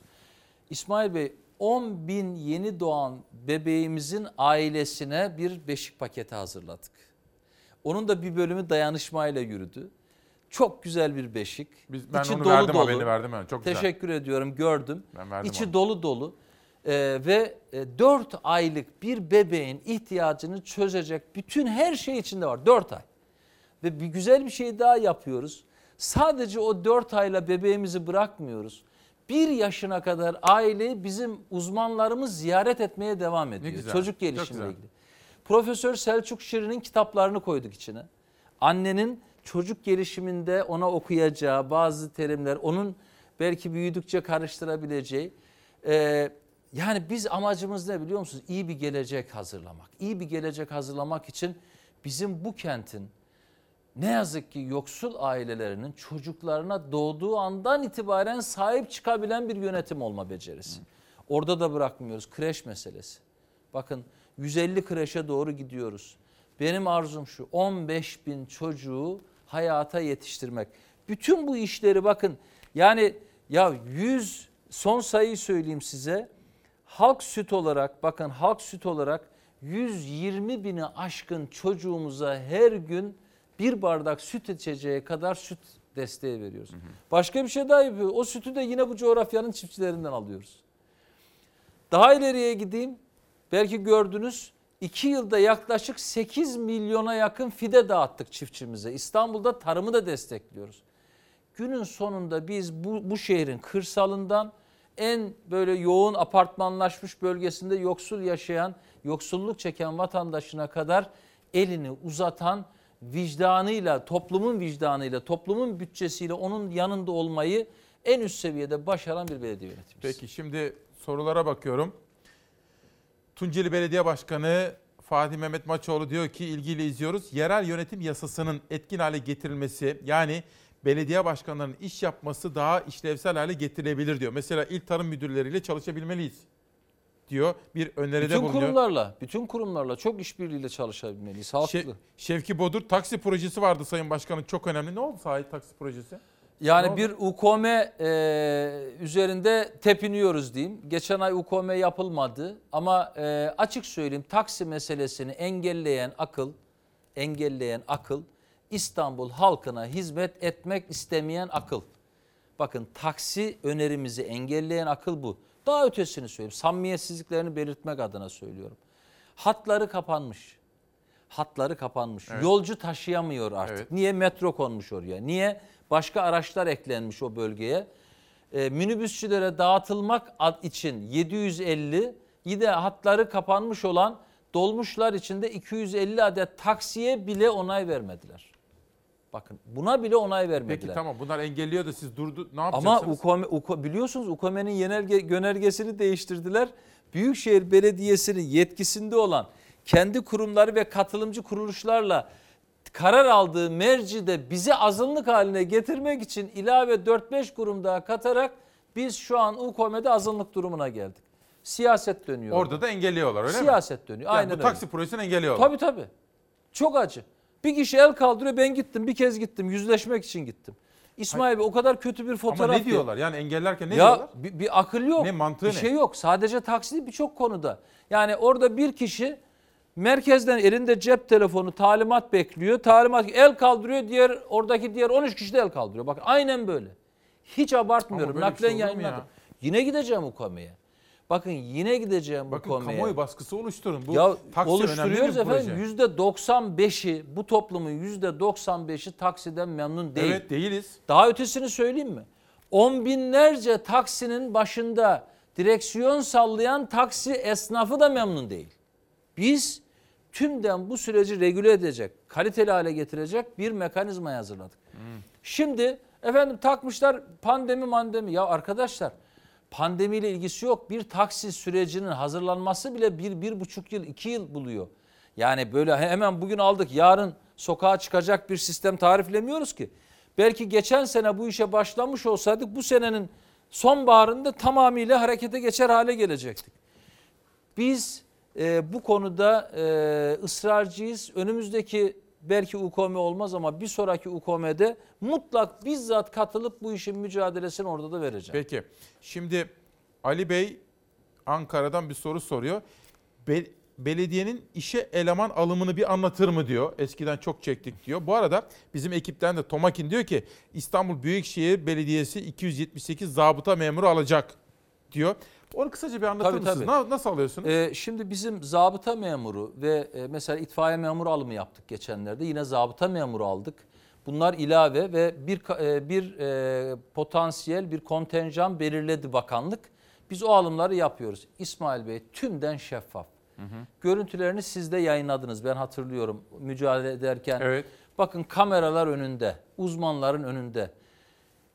25 yılı yöneten e, anlayışın e, huzurunda şunu soracağım. İstanbul Büyükşehir Belediyesi'nin doğru dürüst bir ilanını gördüğünüz oldu mu? Büyükşehir Belediyesi'nin önünde insanlar kuyruğa girip iş başvurusunda bulunduğunu gördünüz mü? bakın tümüyle şeffaf odalarda e, mülakatların yapıldığı, e, kocaman bir salonda sınavın yapıldığı, eğer fiziksel bir deneyim gerektiriyorsa zabıta gibi, itfaiye gibi yine kameralar önünde yani bir nevi naklen yayın verir gibi e, mücadelenin yapıldığı tümden şeffaf bir biçimde alım yapıyoruz. Bakın bu ülkenin en büyük sorunlarından birisine biliyor musunuz? Gençlerinize şu umudu veremiyorsunuz. Nedir o? Ben çalışırsam, azmedersem, mücadele edersem başarırım. Bu değil de şu geliyor insanların aklına. İşte eskiden buydu başkanım. Bak benim FETÖ'yü, Sizi- sizi- FETÖ'nün en büyük suçu budur. Sizi Türkiye'de. Kütahya'dan da alıp Evet. getiren o. Beni de Heh. Trabzon'un Akçabat ilçesinin Cevizli köyünden de alıp getiren o. Cumhuriyetimiz budur aslında budur. bizim. Şimdi bugün gelinen noktada şu geçerli. Adamın var mı yok mu? Biz de diyoruz ki benim her Türkiye Cumhuriyeti vatandaşımızın benim şu an yönettiğim kuruma başvurma hakkı olduğu gibi kendi becerisiyle, birikimiyle kazanma hakkını karşılayacak bir yönetim olacağız. Bakın gittiğim birçok ben işe aldığımız insanlarla mutlak bir görüşme yapıyorum. Yani topluyoruz onları 200 kişi, 100 kişi neyse. Geçen e, bir toplantıda şunu söyledim. Hepinizin torpili var dedim. Hepinizin. Hepiniz buraya torpilli girdiniz. Nedir o torpil biliyor musunuz dedim. Kendi beceriniz, kendi biriktirdikleriniz. Sakın, sakın ama sakın birisine, bir kişiye tabi olmayın. Kendi biriktirdiklerinizle var olun. Güçlü bireyler güçlü toplum var eder İsmail Bey. Eğer bu tarzda birilerine tabi, birilerine dönük böyle boynu bükük bir toplum e, var ederseniz o toplumdan ne yazık ki hayır İnanın, gelmez. Bak Sayın Başkan burada öyle insanlar geldi ki bana dediler ki ben CHP'liyim İsmail Bey dedi. Filanca sizin kuruluşlarda işte karım da CHP'li. Biz dedi yıllarca dedi mağdur edildik bu AK Parti döneminde. Ama dedi başkan beni getirmedi oraya dedi. Benim yerime dedi bir başkasını getir dedi. Kim o dedim? İsmi. O dedi AK Partili dedi. Peki işini yapıyor mu dedi? Yapıyor dedim. Tamam mı? O zaman doğru yapmış dedim. Çünkü Tabii. ben sizin göreviniz AK Partili CHP'li değil ki. Yani Gayet onu, onu tabii. ayırt kaldı etmeyeceksiniz. Ki, kaldı ki. Kualifikasyona yani yeteneklere Aynen. bakacaksınız. Aynen, aynen öyle. Haksızlığı, aha eksik olabiliriz ama eksik yapmış olabiliriz ama şunda netiz. Bir insanın e, birikimine ve biriktirdiklerine bakıyoruz. Kabiliyetine bakıyoruz. Gerisi boş. E, o bakımdan bizim her açtığımız sınava gönül rahatlığıyla vatandaşımız başvurduğunda şunu bilsin. AK Partili de, Ben şunu CHP'li yaşadım de. biliyor musunuz? E, hatta bir ziyarette dedi ki genç bir vatandaşımız hatta Muş'tan gelmiş böyle iki genç kız da vardı yanında zabıta alımlarında. Başkanım geldik bu işte e, fiziksel mücadele kısmına gireceğiz. Şuna inanıyoruz. Giremesek bile hakkımızla giremeyiz. Yani hakkı, giren de hakkıyla girmiştir'e inandık diyor. Onun için teşekkür ederiz. Peki işte aradığımız için bu. olay bu. Yani yoksa partili olsun Tabii, olmasın. tabii, tabii. Şimdi Kılıçdaroğlu'nun bir tweetini seçmiştim İmamoğlu'na sormak üzere. Şimdi Kılıçdaroğlu bir çıkış yaptı Sayın Başkan. Heh. T24'te Murat Sabuncu'nun sorularını yanıtlarken Kanal İstanbul ihalesine girecek ülkeye mesafe koyacağız. Paralarını ödemeyeceğiz. Bizden bir banka kredisi verirse günü geldiğinde o da görür diyor. Kanal İstanbul. Ee, Sayın Genel Başkanımızın ifadesine yüzde yüz katılıyorum. Ben de e, buna dönük bir beyanım olmuştu hatırlarsanız. Ne yani demiştiniz? dediğim şuydu. Kanal İstanbul sürecine dahil olacak olan e, finans kuruluşu olabilir, yapımcı firma olabilir. Kazanacağı paraya bakmayız biz. Türkiye'ye İstanbul'a ihanet eden bir proje ise bu proje ki biz bunu beyan ediyoruz, açıklıyoruz, belgeleriyle açıklıyoruz. Belgeleriyle açıklıyoruz. İhanet eden bir projeye destek olan hangi unsur varsa hukuki olarak bunun mücadelesini vereceğiz demiştim. Genel Başkanım daha da ileriye taşıdı meseleyi. Bence yüzde yüz doğru. Bakınız, bakınız. İki örnek vereceğim Evet. size. Ee, Cemal Saydam'ı Profesör Doktor Cemal Saydam'ı bütün bilim alemi Herkes bilir. bilir. Çok özetle yani hızlı hızlı. Kanal İstanbul yapılırsa su akışından bahsediyor ve bu su akışının e, Karadeniz'den gelen akıntının İstanbul'a nasıl bir birikim yapacağını, kanalın nasıl bir e, yük e, yükleyeceğini e, söyleyerek şunu diyor. Marmara'nın diyor zaten Marmara'yı bir astımlı çocuğa benzetiyor. Zor durumda. Yani Marmara zor bir denizdir diyor. Korumamız gereken bir denizdir diyor. Sıkıntıları bol bir denizdir diyor. Marmara'nın alt tabakasındaki oksijen biter. Oksijen biter ama bakteriyolojik parçalanma devam eder. Oksijenle devam eder. Serbest oksijen bulamazsa gider sülfattaki oksijeni bulur. Sülfattaki oksijeni de çekince deri, geriye es kalır yani kükürt kalır. O kükürt de hidrojen sülfüre döner. Hid- Hidrojen sülfür de çürük yumurta kokusudur. İstanbul artık Marmara Denizi, sadece İstanbul değil, bütün Marmara Denizi bir çürük yumurta kokusuna döner diyor. Onun için diyor ki Kanal İstanbul projesini, beton kanal projesini rafa kaldırmayın. Atın diyor. Tümden atın diyor. Bilim 20 yılımı ben Marmara'ya verdim Naci diyor. bu Görür de bunu diyor. Naci Naci, Görür. Görür de diyor. Bakın başka bir şey söyleyeceğim size. Geçen tartışma yaptılar. Efendim 7 7 tane köprü. Bu bizim çizgimiz değil. Yani o e, bakanlığın kendi Bir sabit hazırladığı. tutun öyle bir dakika. Tabii. Evet, evet. Bakanlığın kendi hazırladığı 7 noktadan köprü geçişi. İstanbul. Kanal İstanbul mu? Tabii tabii Kanal İstanbul'un. Şu açı- açılacağı Yani söylenen. şu Kanal Ha. İstanbul, Evet. şurası da o imara açılacak yerler. Şu kenarında sarı gösterilen Tamam. yerler. Şurada 7 tane köprü. Şimdi şu ekonomiyi konuştuk değil mi az önce? Ekonomiyi konuştuk. Ee, burada bir e, köprü yapımına başlanıyor. Geçen sene ihalesi yapıldı. Yani şuradan küçük bölümden alabilirseler e, kablo destekli köprü profili diye şuradan gösterebilirlerse şu tarzda aslında bir nevi asma köprü diyebileceğimiz bir köprü. 7 köprü yapacaklar böyle. Yeni öyle köprü. diyorlar. Ha. Evet. Geçen yıl ihalesi yapıldı biliyor musunuz? Geçen yıl. 8.3 milyar lira. Efendim neymiş? Köprü ve çevre yollarıymış. Doğru. Her köprünün çevre yoluna ihtiyacı var. İsmail Bey 8.3 milyar. Geçen sene şu andaki döviz kuru ve fiyat artışlarıyla beraber bunun en az bedeli 11 milyar lira. 11 milyar lira. E 8 köprü kaç lira olacak o zaman? Siz Oo. çarpın ben çarpmayayım. Şurada yoksulluğu gösterdiniz değil mi? Evet. Ya İstanbul'un Allah aşkına şu yoksullukta, şu pandemide EYT'lileri gösterdiniz az önce.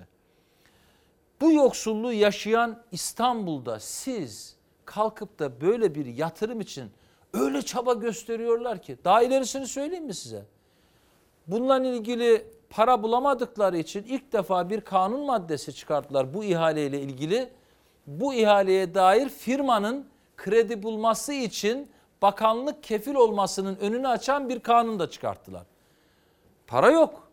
Borçlanacağız ve bir kanal yapacağız. Bana göre kendileri yaptılar. Film tanıtım filminde yazıyor. 65 milyar dolarlık yatırım. Ben yapmadım, kendileri yaptılar. MIPIM fuarı vardır Cannes'da, Fransa'da. O fuarda bunu gösterdiler, tanıttılar, anlattılar. Davet ediyorlar bütün yatırımcıları. 65 milyar dolar. Şimdi siz bu ülkenin geleceğini e, ipotek altına alacaksınız. Hazinesini ipotek altına alacaksınız. Ondan sonra da e, vatandaş e, vatandaş bunu cebinden ödeyecek. Bu riski gören Genel Başkanım Kemal Kılıçdaroğlu da bunu demeyecek. Gayet tabii diyecek. Yani geleceğini ipotek altına alan, İstanbul'a ihanet eden, doğasını mahveden beton kanala karşıyız ve bu süreci destekleyen hangi kurum varsa ben inanıyorum ki iki yıl sonra bu ülkede seçim zamanında olursa iki yıl sonra bu ülkede iktidar değişecek. Değiştiğinde de genel başkanımızın ki katılıyor inanıyorum ki e, ittifak e, partimiz olan İyi Parti'nin de fikri aynı yöndedir. Gerektiğinde e, onun hukuki mücadelesi verilir. Peki Sayın Başkan. Şimdi çok soru geliyor. Çok kıymetli Çalarsat ailesi İsmail Küçükkaya ile Demokrasi Meydanı. Bir reklam arasına gidelim. Malum bizim başka bir gelirimiz yok. bir reklam arasından sonra sizlerden gelen en çok soracağınız soruyu şu reklam arasında başkana yönelteceğim. En çok gelen soruyu. 11 Mayıs 2021 Salı sabahında Türkiye'nin kanalı Fox'ta İsmail Küçükkaya ile Demokrasi Meydanı'ndasınız. Ve muazzam bir ilgi gösterdiniz. Her birinize teşekkür ediyorum. Demokrasi Meydanı'nın bu sabahki konuğu Ekrem İmamoğlu İstanbul'un belediye başkanı. Sizce bu reklam arasında 15 dakika içinde gelen en çok gelen soru nedir size yöneltmem istenen? vatandaşımız... Metroları mı soruyorlar bilmiyorum. Metroları mı? Pandemiyi mi soruyorlar? Hayır. Bir hakkınız daha var. Ne sorulabilir en çok size? Mesela siz vatandaş olsanız, mesela Trabzon'da oturan bir vatandaş Evet. olsanız, İmamoğlu'nu yayına çıkarsa İsmail Küçükkaya'ya ulaşsanız ne sormamı isterdiniz? Trabzon'daysa Trabzon'a ne zaman geliyor diye sorarım. Peki Kütahyalı biri olsa ne sorar? Herhalde pandemiyi sorar yani Peki, nedir yani aşıyı. bilmiyorum. Murat Ongun dedi ki bana aşıyı sormadın dedi. Evet. Ya Peki. e, Var mı bir cümleniz? Ya şöyle söyleyeyim. Ee, kapanma önemliydi, değerliydi ve çok iyi oldu. Ee, tabii ki kapanmanın gerekleri var. O konuda sıkıntı var. Esnafa destek, çalışamayana, günübirlik e, hayatını kazananlara destek. Bu konu çok eksik kaldı. Ama bir de bunun aşılanma tarafı var e, İsmail Bey ve hani bu konu ne yazık ki şu an toplumun henüz rahatladığı bir mesele değil. Ha şunu ilave edeyim. Ben duyuyorum efendim aşı olmak istemiyorum falan. Herkes aşı olmalı. Yani en yaşalmışından en gencine kadar fırsatını bulan, sırası gelen aşı olmalı. Bir. iki artık bu aşı hızı hızlanmalı. Bu konuda biz ne yapabiliriz? Başka kurumlar ne yapabilir bilemem. Bakın benim zabıtam var, itfaiyem var, mezarlıklar müdürlüğünde çalışanlarım var. 51. vefatımızı verdik dün itibariyle biz İsmail Bey. Onun için aşı olmalı. Aşı konusunda büyükşehir belediyelerine ya da belediyelere ya da bir takım kurumlara düşen bir görev var mıdır? Devletimiz bu konuda bize de bir vazife verebilir mi? Biz bir arayışta olabilir miyiz? Bakın soru soruyorum sadece. Hani bu konuda da bize yön verirlerse elimizden gelen katkıyı aşı sürecine vermek isteriz. En çok En gelen önemli soruya cevap vermiş En olduk. çok gelen soru şuydu efendim. Bunlar değildi. Cumhurbaşkanı adayı olacak mı diye. Ekrem İmamoğlu Cumhurbaşkanı adayı olacak mı? Ya İsmail Bey ben diyorum ki ben aday değilim diyorum. Bir çıkıyor iki gün boyunca, üç gün boyunca televizyonlarda adayım mı dedi demedi mi o mu oldu mu? Ya aday değilim ben hiçbir zaman aday olmadım. Aday değilim. Efendim yani şu anda Türkiye Cumhuriyeti tarihinin en değerli sürecini yaşıyoruz. Bakın bir değişim ve dönüşüm sürecini yaşıyoruz. İki önemli insan ben özellikle altını çizmek istiyorum. Benim genel başkanım Sayın Kemal Kılıçdaroğlu ve İttifak Partisi İyi Parti'nin genel başkanı Sayın Meral Akşener. Muazzam bir devlet insanlığı göstererek süreci yönetiyorlar. Ortak akılla, bileşenlerini içine katmak için mücadele diğer partileri de. Yani genel başkanımızın o dostlarımızla kazanacağız cümlesi muazzam. İki genel başkan bu ülkedeki en güzel makamlara layık. Ama diyorlar ki önce memleket meselesi. Yani süreci böyle yönetiyorlar. Bu kadar hassas bir süreçte böyle bir gündemi zihninde taşıyan bir akıl bu ülkenin hangi kademesinde olursa olsun sürecine katkı veremez. Benim aklım bana diyor ki sen İstanbul'un gelmiş geçmiş en baş- başarılı belediye başkanı oldun. Şu an benim aklımda olan tek kavram bu. Peki çok teşekkür ediyorum. Ben teşekkür Şimdi ediyorum. ben bir önceki bir şey söylüyordunuz buyurun. Yok şöyle 19 Mayıs geliyor. Evet. Mustafa Kemal Atatürk'ü anma ve e, gençlik bayramımız, gençlik ve spor bayramımız. Buradan Atatürk ve İstanbul'u size hediye getirdim. Çok İstanbul teşekkür Kitapçısı'nın çok özel bir kitabı. Umut ederiz ki o güzel umut var ya Mustafa Kemal Atatürk'ün İstanbul'dan yola çıkıp Samsun'a ilk adımını attığı andan itibaren o umut her zaman yüreğimizde olsun ve bizi geleceğe taşısın. Çok Bu teşekkürler. da İstanbul Kitapçısı'nın ki inşallah bir başka programda deprem ve kentsel dönüşüm Yapalım. faaliyetlerimizi anlatalım. İstanbul deprem gerçeğini, tarihsel süreç, içerik çok güzel bir yayın. Peki. Ee, aklımızdan hiç çıkmasın bu. Çok teşekkür Beton ediyoruz. kanalı unutun, onu çöpe atın. Aklımızdan bu hiç çıkmasın diyerek size bunu da hediye Çok etmek teşekkür istiyorum. ediyorum. Sağ olun. Demokrasi Meydanı'na katkı verdiniz. Değerli Çalar Saat ailesi her biriniz rol aktın mı? Heh. Her birinize içtenlikle teşekkür ediyorum. Ve emeği geçen bütün ekip arkadaşlarıma, danışmanıma, Doğan Şentürk yönetimindeki Fox Haber ekibine, Ankara büromuza her birine ne kadar teşekkür etsek azdır. Sağ olun, var olun. Şimdi biz kapatıyoruz. Yarın özel bir yayınla karşınızdayız. 30 saniye içinde de Çağla Şiker'deyiz efendim. Esen kalın, sağlıkla kalın.